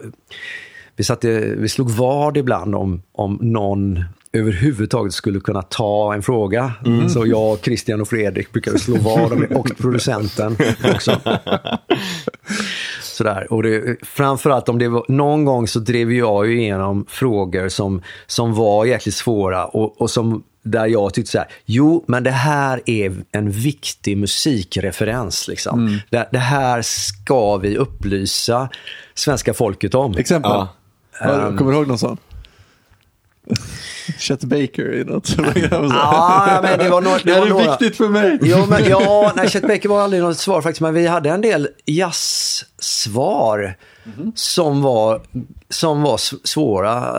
Liksom, för vi, vi tyckte också att om vi kan liksom ha med många musikstilar under ett år så är det också bra. För då finns det en palett. Då, då kommer musikintresserade tittare att någon gång få en musikstil som de gillar. Eller som de till och med kan svara på just frågorna om det. Liksom. Och där, om, vi har ju pratat mycket om jazz idag, men om vi då... Jazz kunde vi inte ha med så mycket och det är ju liksom en liten publik i Sverige som kan namedroppa eller svara på det. Liksom, men, som, men som också är ganska svältfödda på att få Bekräftelse. bekräftelse eller att det skulle vara svar i en, en frågesport. Ja. Eh, Vi existerar. Ja. Så Ja, men, och där finns ju också, alltså som ett folkbildande program så kan det ju finnas en poäng ibland att det är också frågor som man inte kan svara på. Ja, ja. Men att man blir upplyst om det på, alltså på grund Dave av det. Brubeck var svar en gång. Det, Ja. det drev jag igenom Ja, det är rätt. eh, och det kunde de inte. Nej. Och, och i, någonstans, jag satte emot bara för att jag ville ha med. För då hade precis Dave Brubeck gått bort. Okej. Ja, men då finns det ju Ja, men då är det ju verkligen skäl. Ja. Ja. Och, så, och så fick vi till också, då var Salem Al Fakir med. Och Ja. eh, sån fantastisk eh, musikmänniska liksom. Ja. Så då gjorde vi en, en kombination av eh, Dave Brubeck-låt och Vilken Burt låt? Bacharach-låt. Do you know the way to San Jose? Ja. Hette Bacharach-låten och sen så spelade vi Blue Rondo alla Turk. Aha. Eh, satte in den i- Nio åttondelars. Ja, exakt, Ja. bra Frans. Bra. Ett poäng.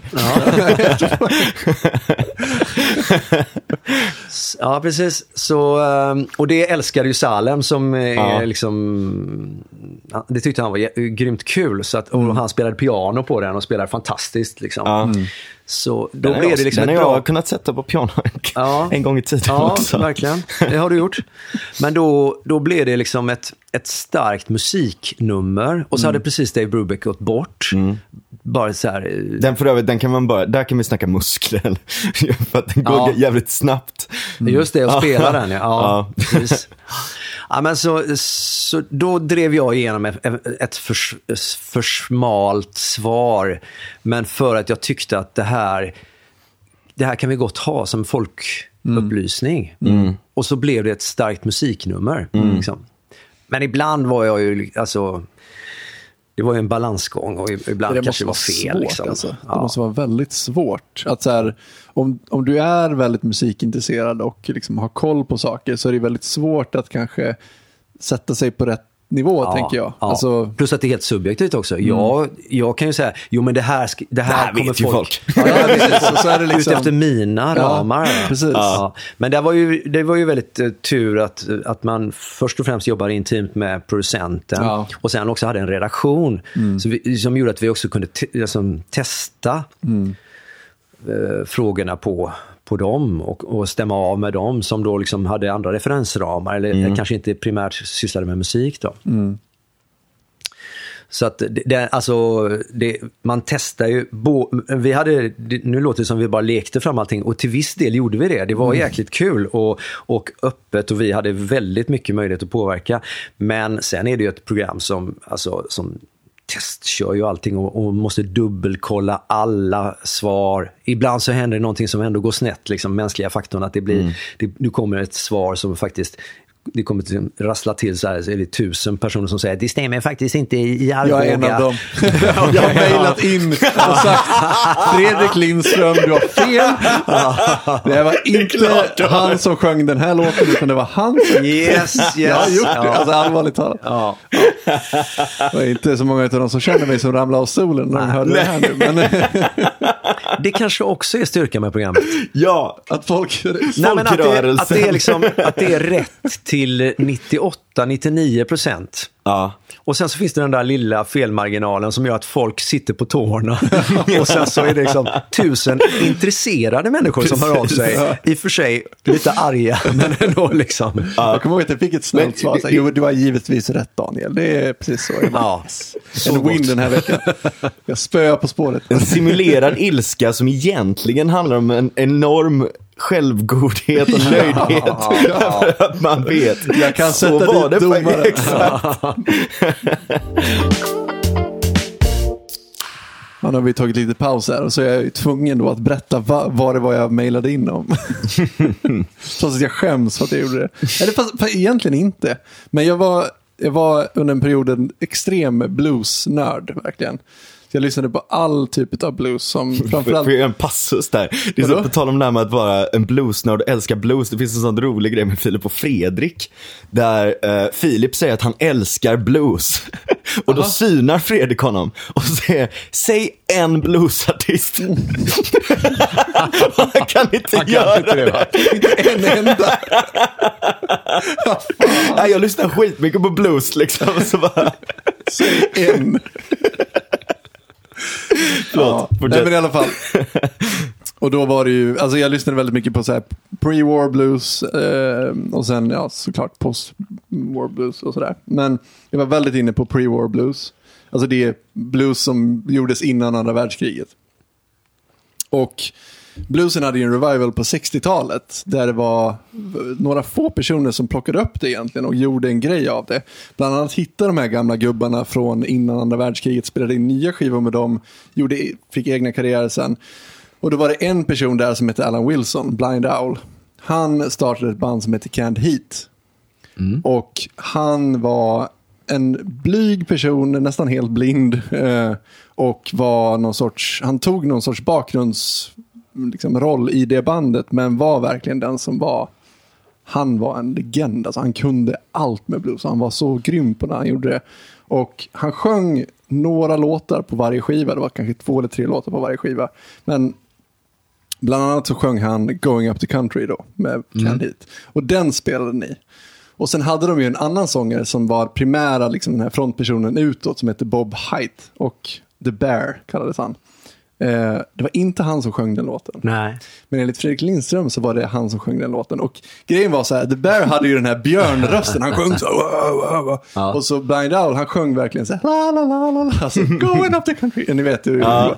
Ja. Going up the country, Ja, got to ja, get- ja, precis. Exakt den grejen. Liksom. Och då sitter Fredrik Lindström och påstår att det är Bob Height som sjunger med den här björnrösten i vanliga fall. Så bara, ja, och så ibland så gick han upp och sjöng i, liksom, i ljusare ton. Man bara, nej, det var inte han som sjöng den. Det var ju fan min gud som sjöng den låten. Och så sitter du här och Och hädar. och hädar den här personen, liksom geniet som dog också när han var 27 år. Liksom. Alltså, fan. Ja, då var jag tvungen att mejla in, för det, var, det kändes i hjärtat för mig. Ja, det förstår jag. jag känner mig nästan skyldig själv här nu, men Var, var det du som var nej, nej. Nu jävlar. Nej, svaret var ju aldrig... Alltså, frå- frågan var ju inte vem som, vem som var sångare. Nej. Det var liksom inte mm, Nej. själva huvudfrågan. Så att jag tror att Fredrik, som ibland vill liksom excellera i extra information, Ja, exakt så var det. eh, plötsligt eh, var på slak lina. Ja, chansade lite Ja. hejvilt tycker jag. Lite väl vilt. Ja. Eh, Då var det Cindy Peters som sjöng den låten i alla fall. Eh, I vår version. Ja. Minnesvärt ögonblick faktiskt. Hon var väldigt grym. Ja, det är många riktigt, riktigt bra grejer som ni fick ihop under den tiden. Ni gjorde ju en skiva om det där också. Eller med, med, med en del av låtarna. Som är fantastisk. Alltså, bland annat Arret som du skrev om. eh, och, av eh, Coltrane, My Favorite Things. Du, Visst var det du som skrev om det arret? Ja, vi Eller gjorde det tillsammans. Ja, tillsammans. Ehm, Jag och Theodor studsade idéer först initialt där. Han hade ju en, en stark idé om, alltså, han, Theodor från The Plan Ja. också. Då. Så att eh, vi, vi gjorde det tillsammans och sen så kan man ju säga att det är ju väldigt mycket Björn Almgren där i, i, liksom, Ja, exakt. i utförandet. Skränig, galen Ja. sax som bara ballar ur. Men också Theodors skådespel nästan där. Ja. Där han är lite galen. Ja. Raindrops and roses. Ja, ni, kör, ni körde det, men det, kom- det kommer jag ihåg. Ja. Det, det var en av de, kanske det som jag Men var den mest körde ni innan, med Augustifamiljen, innan ni körde På spåret? Nej, eller? nej, det, okej, var, ja. det var liksom en... Till, eh, ja. det, det var en fråga. Det, det, det arret skapades till eh, På spåret första säsongen. Ja. Och det, jag, jag är lite stolt över det tillsammans med, med mina medmusikanter där och Theodor. Att vi vågade göra det. För att där var, det är ju liksom spräckjazz Mm. eh, som vi gjorde först, första säsongen vi var med. Mm. Sådär. Så att vi hade ju kunnat åka ut med huvudet före liksom, Ja. tidigt där egentligen. Jag är glad att ni gjorde det. Ja, Det är respekt. Dra in jazzen i finrum. Ja, det är bra. Ja. Det gillar vi. Ja. ja, riktigt grymt. Mm. Och även, eh, ja, nej men hela den skivan där är ju bara fantastiska låtar. Mm. Det, det var svårt att välja till den där, men Ja. sen så är det ju... Och så var det copyright-grejer och lite precis. sånt som du var Ja. tvungen att Jo, det var mycket så här... navigera. Man, ja. Ja. Och eh, vissa artisters skivbolag som inte släppte till artisterna eller Ja. eh, sådär. Men de flesta var ju liksom väldigt välvilliga till men det, det var mycket, alltså mycket så här, eh, trassel, le- legitimt trassel, man säga. eller legalt trassel menar jag. Mm. Precis. av olika slag. För att eh, så, så landar vi till slut i att av, jag vet inte hur många, hur många vi hade i den där påsen av det här kan vi ge ut, det här Ja. är för jäkla bra. Så fick vi skala bort mer än hälften. Eh, och så, eh, men så fanns det ändå liksom 13 nummer kvar, eller vad det eller 15 kanske. Jag kommer inte ihåg riktigt hur många som är på den. Men det var roligt att vi fick till det. det Och det var ju med ett uh, schysst skivbolag som också hjälpte till med det. Sådär. Och, och, eh, Playground heter de, ett svenskt, eh, eller nordiskt bolag i alla fall. Just det, Ja. Playground ja. Ja, De hade jag nästan glömt bort nu när du säger det. Så bara, just ja. det. ja men det, var- de var f- fina att jobba med och tyckte att det här var kul och, och sådär. Det blev också fint avslut att ni ändå kunde göra så här Ja, precis. en liten best of efter, efter ni slutade där. När var det ni slutade där? Eh, 2019 sändes väl det sista, tror jag. För det var ju, ja, plattan heter 2009 till 2019. Så det var väl egentligen, jag tror att det var 2018 då, på hösten som vi spelade in det sista. Och så, och så sändes de in på, till februari i, 20, på 2019. Då. Just det. Du var aldrig så här eh, lite sugen att höra av dig till någon och bara så här, du, eh, svaret på den här frågan eh, när vi spelar, det är det här. Fast du kommer ihåg, alltså någon som var med liksom. Äh, att jag skulle tjalla, Tjalla, liksom. i förväg? Till någon favorittävlande sådär. Nej, Nej, nej, nej. jag måste ju fråga. Det var någon gång där som du kom hem med en, en helt ny snygg eh, klocka minns jag. Rolex. En Rolex. Med två L. Mycket prestige i Hobbex heter den. Ja, precis. ja, nej. Får inte sprida några sådana rykten. Nej, jag skulle aldrig kunna hålla käften. Alltså. Det var så grej. Jag, alltså, jag tycker det är roligt med de där frågorna för att jag, jag ser mig ändå som ganska allmänbildad. Men jag kunde inte sätta så många av dem. Jag tror att jag, jag, jag har nog en väldigt så här specifik sorts bildning till olika grejer. Var när du kollade på På spåret? Ja, för jag kunde inte sätta så mycket grejer på På spåret. Du, och du menar alla, alla typer av Frågor. Nej, Ja. nej, men det är ju svårt. Alltså, Ja, det, det är det. svårt. Man, man måste vara extremt allmänbildad och så någonstans också kanske ha varit på den orten eller ibland. Alltså det kan ju hjälpa till i alla fall. Också lite så här åldersfråga kanske. Ja, absolut. Men det är ju många som är med som fan är jätteunga som kan väldigt mycket. Jag är väldigt imponerad. Jag, jag, och jag ser mig också mig själv som ganska allmänbildad. Men fan det är svårt alltså. Man skäms ju när man sitter hemma i soffan. Liksom, ibland. Ja. Så är det det är väldigt eh, utlämnande att vara med i programmet Ja, också. Det är, jag har all respekt till dem. Jag tyckte att det var, det var någon för, för några veckor sedan, det var väl Hasse Aro och Camilla Läckberg som trodde att eh, Gävle låg vid Siljan och i, liksom i Dalarna. Aha. Man bara, vad i hell? Och då är det ju liksom, jag är ju från Dalarna så det är ju, Dalarna, det är ju fjällen. Vilket, vilken skiff. ja, lite så. Ja. Gävle ligger fan inte i Dalarna och inte fan ligger det vid Siljan. Ja, det kan man säga att det, det, det kan man tycka att man ska kunna. Alltså sådär. Ja, att det är det inte så konstigt. Men, eh, men det är också så att det, i den där situationen så Ja. Mm. kan man vara väldigt pressad. Alltså, så att det, man kan svara saker och ting som är helt uppåt väggarna bara för att man, man är liksom stressad och det är Precis. dålig luft i det här jävla dressinen. Ja, och och sen kan det vara liksom så här, man kan ju vara väldigt allmänbildad, så kanske det är en grej som man har missat, eller så här, kanske Ja. inte riktigt har, jag menar så här, säg att jag skulle placera ut Karlstad på en karta. Nu vet jag ungefär vart Karlstad ligger, men jag, det skulle bli fel liksom. Ja. Alltså, Ja, visst. fan vet. så här, Ja, ja. Jag har aldrig tänkt på att jag behöver lära mig exakt vart Karlstad ligger. Liksom. Nej, är det exakt. två, två miljoner plus tittare som bara Ja. säger, är han dum i huvudet? Eller? Ja. Ja. Ja, det är tufft. Plus att det står i tidningen nästa dag också.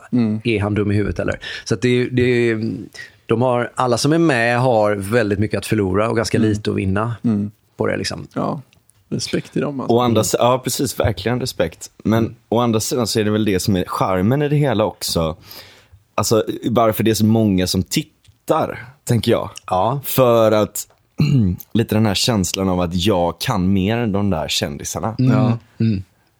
Ja, men, ja Tycker jag. exakt. Jag tror att det är lite den här att man vill dra ner byxorna på manliga kändisar. Liksom. Ja, precis. Det är lite så. Men också, jag förstår appealen att vara med.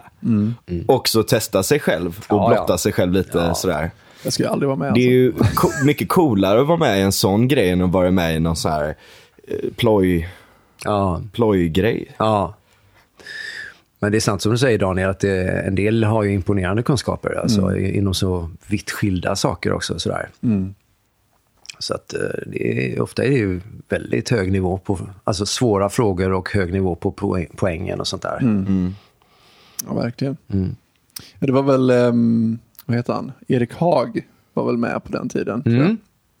Och Martina Haag. Japp. De var ju väldigt duktiga. Väldigt bra. Man tror inte det om Erik Haag. Alltså så här, han, han, hans persona är ju en väldigt flummig och snurrig snubbe. Liksom. Ja. Så tänker man, han, han är ju bara en flummig och snurrig snubbe som inte kan någonting. Och så bara kan han allt. Liksom. Ja. Ja, Ja. vad- Vem är han? Ja. Ja, ja, verkligen. ja. Och så kommer det någon så här författare som man tänker att den där, hon kan allt. Och så bara, Gävle ligger i Dalarna. Man bara, Ja, exakt. Ja.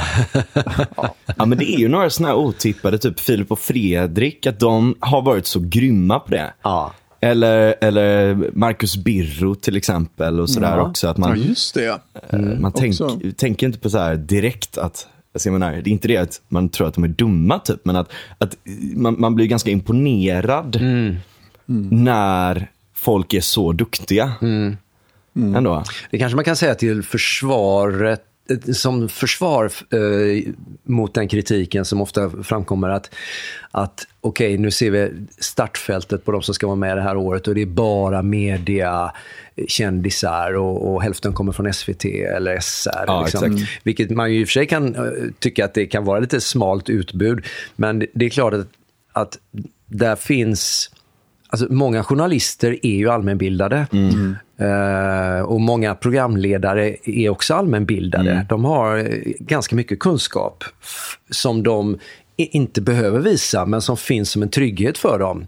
Och Ska man vara liksom en bra programledare och få in olika gäster till exempel, nu är det inte så många programledare som är med kanske, men ändå liksom, eh, att och, och kunna prata med en gäst som kommer och representerar en speciell kunskap. Liksom. Och så ska man kunna ställa frågor eller snicksnacka med den personen. Det kräver ju att man själv åtminstone har ett visst hum om det. Och, visst, och sen har man naturligtvis, eh, journalister och tv-människor har ju ofta en redaktion runt sig som hjälper till med den informationen. Men det krävs ändå ganska mycket att vara programledare Verkligen. eller journalist eller, eller sådär.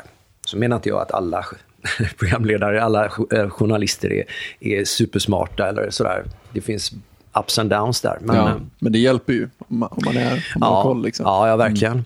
Saknar du tv? Eh, ja, det, alltså, det, är väl, det är ett väldigt roligt uppdrag det där. Men ehm, jag... Det, vi hade... Alltså, när, när man kom till den här punkten att vi inte skulle fortsätta längre, så var det, det...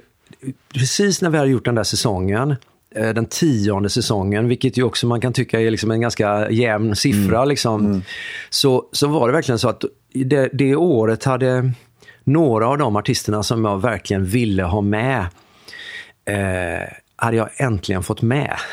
Sådana som jag hade frågat många gånger. Eh, de två senaste säsongerna kan man säga, men framförallt sista säsongen. Och jag tyckte också att sista säsongen var väldigt många bra grejer vi gjorde. Jag var väldigt, så här, väldigt stolt över vad vi hade gjort den säsongen. Och då, så det var verkligen så att man kände, vad sk- okej, vad ska vi göra nästa år? Vi- Vilka ska vi ta med den här gången? Ska vi ta med, liksom, kommer det bli svårt att hitta 13 nya artister igen? Utan då får vi återanvända några kanske, återanvända låter tråkigt, men alltså fråga några som varit med förut igen eller alltså där. Och så är det ganska drygt jobb det där också att vi satte ju liksom ambitionsnivån ganska högt. Och det här jag också säger nu att det är liksom, vi, vi gjorde ju 13 program. Så vi skulle ha 13 artister och att få tag på dem och välja ut dem, det, var, det är ett ganska... Det Det blir 130 väldigt, totalt. Tio, nej, men det, Ja. vad, blir det? 10 Ja. gånger Ja, men- 13? Ja, vi gjorde 131 program. Ja, gjorde vi. precis. Ja, eh, för vi gjorde en julspecial också. Okej, ja. Så det blir 131 program. Ehm, och sen så var det några artister då som var med två gånger. Av det. Så att det var inte 130 olika artister, Nej, men, det. eh, men, Ja, men över mycket 100 folk, alltså. Var det nog. Och då... ehm, så det, man var i en ganska utmattad position just då. Vad ska vi göra? Hur ska man kunna toppa detta? Vilka, Precis. och orkar man hitta liksom, några nya spännande artister igen? Liksom, Ja, och exakt. Exakt. Men där kanske finns, eller förlåt, fortsätt. Ja, och så lite samma sak också med resmålen. Att, Ja. eh, det, det är ju sådär att med jämna mellanrum så måste en del större städer vara med igen. Alltså ja, som London, det kommer vart fjärde år kan man nog säga rent så här statistiskt. Eller New York eller Paris. Liksom.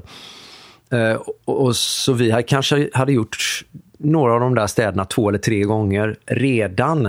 Och så tänker man så här, okej vad ska man göra den här gången? London, inte så- man kan hitta hur mycket som helst i Ja. London, men, men en del orter är svåra, jättesvåra att göra någonting som, som känns ändå sådär rimligt och rätt. Och inte det där krystade vi pratade om förut, att det är liksom fem led bort i kopplingar. Liksom. Precis, Och sen en artist som ni ska ha med som ska passa för den musiken. Ja, alltså ja. Det. Så, att, så att jag, förutom att det var liksom tråkigt eh, så här, och det är ett, ett eh, ärofullt uppdrag och, och eh, väldigt roligt att göra det. Och, liksom, och man får ju tänka jättemycket så att det är liksom så här finurligt. Man blir liksom, det är kul att få bolla det där. Men tio år med det liksom. Och du såg ju mig under några av de här åren. Alltså det, Man är ju liksom så här, sitter ju uppe på nätterna och det är Ja, ja, ja, en enorm Nej, du press. jobbar ju liksom. enormt mycket. Det är en enorm press för att det måste bli bra. Det, sk- liksom, det, är, det är Sveriges mest sedda serieprogram. Liksom. Eh, och man vill ju inte göra sämre säsong Nej, än vad förra säsongen var. Liksom. precis. Sluta på topp som Doris gjorde. Ja, ja, ja, men precis. Ja. Det kanske är det vi ska göra nu också. Sluta på topp. Men sen, sen är jag med, vi har gjort andra grejer på tv ju Ja. efter det. Och så så att det, det, det är ju ett forum som är till viss del viktigt om man liksom Ja. ska ägna sig åt musik och sådär. Att, att, eh, att man har en möjlighet att, att kanske göra, visa någonting på tv emellanåt Ja, och det är sådär. inte omöjligt att det händer igen. Och det ska vi, ja, det här året ska vi spela igen för Kronprinsessan. Liksom. Det har ju varit Ja, en just här det, det ni, ja. Victoria-konsert. Jag Man har en liten förhoppning att du ska bli adlad. Alltså de gör ju inte det längre, men jag tänker att jag Kan man ska... bli det i Sverige? Nej, man kan ju inte det, men jag, jag har liksom funderat och börjat så här, spåna på hur jag skulle kunna lobba igenom Sirs att man ska börja adla igen. Precis. jag tror att det Ja, bara är tyvärr du och inte jag då som blir det. Nej, just det. Just det. Afs på. Vad fint. Ja. Ja. Vad kul att du var med. Väldigt Verkligen. kul. Ja. Väldigt roligt. Eh, kan man få ha några sådana här fotnoter nu? Absolut. Samla Ja. upp det här programmet lite så, så kommer jag precis på nu vad den här författaren heter. Ja, kör. bra. Eh, han heter Nick Hornby. Just det. För alla som Just har uh, s- grubblat nu i flera timmar. Stämmer bra det. Stämmer bra. Nick Hornby heter han. Ja. Eh, Är det någon mer fotnot? kanske bara var det. Sen svarar jag nog aldrig på de fem. Eh, Jo, men det gjorde du tror jag. Ja, jag Ja, kanske vad- vad gav sa så här vi? Det var nog 12, fler. 13 Ja, eh, här. Ja. Nej, men det är, eh, musik är ju är viktigt och det är, liksom, det är kul att det är kul att man får liksom hålla på Ja. och, och att, eh, det, är- att man fortfarande har en drivkraft. För att det, det tycker jag är, det är liksom... eh, jag gillar att lyssna på ny musik som fortfarande väcker uppmärksamhet för mig och, och som gör mig glad och sådär. Om det, Vi bollar ju mycket musik mellan varandra Ja, också. det är väldigt vilket bra är att ha en son. Eller jag har ju, har ju fler söner. Ja, tre. Ja. Så det är, ja, men det är otroligt bra för mig att, um, att liksom få tips av dig och, Ja. och, liksom, Simon. och Simon också. Och sådär. Sonja. Mycket K- K-pop från henne. Ja. Ja. det är bra, du kommer alltid vara uppdaterad.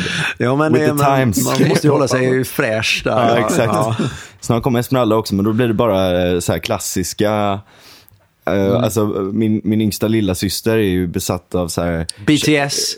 Nej, nej, det är ju det är- Sonja. Ja, det är Sonja. Ja, Ja, nej, men- Hon har ju faktiskt gått vidare från det också. Ja, men, precis. Nu är det någon annan. Ja. Men, men min yngsta lilla syster är ju besatt av så här Tchaikovsky och, eh, och så här. Ja, men Ja. klassiska. Hur gammal är hon nu? Hon är ganska liten. Fyra. Ja. Ja. Tchaikovsky alltså. Ja. Tchaikovsky och The Meters lyssnar hon på. Det är bra. Det är väldigt bra.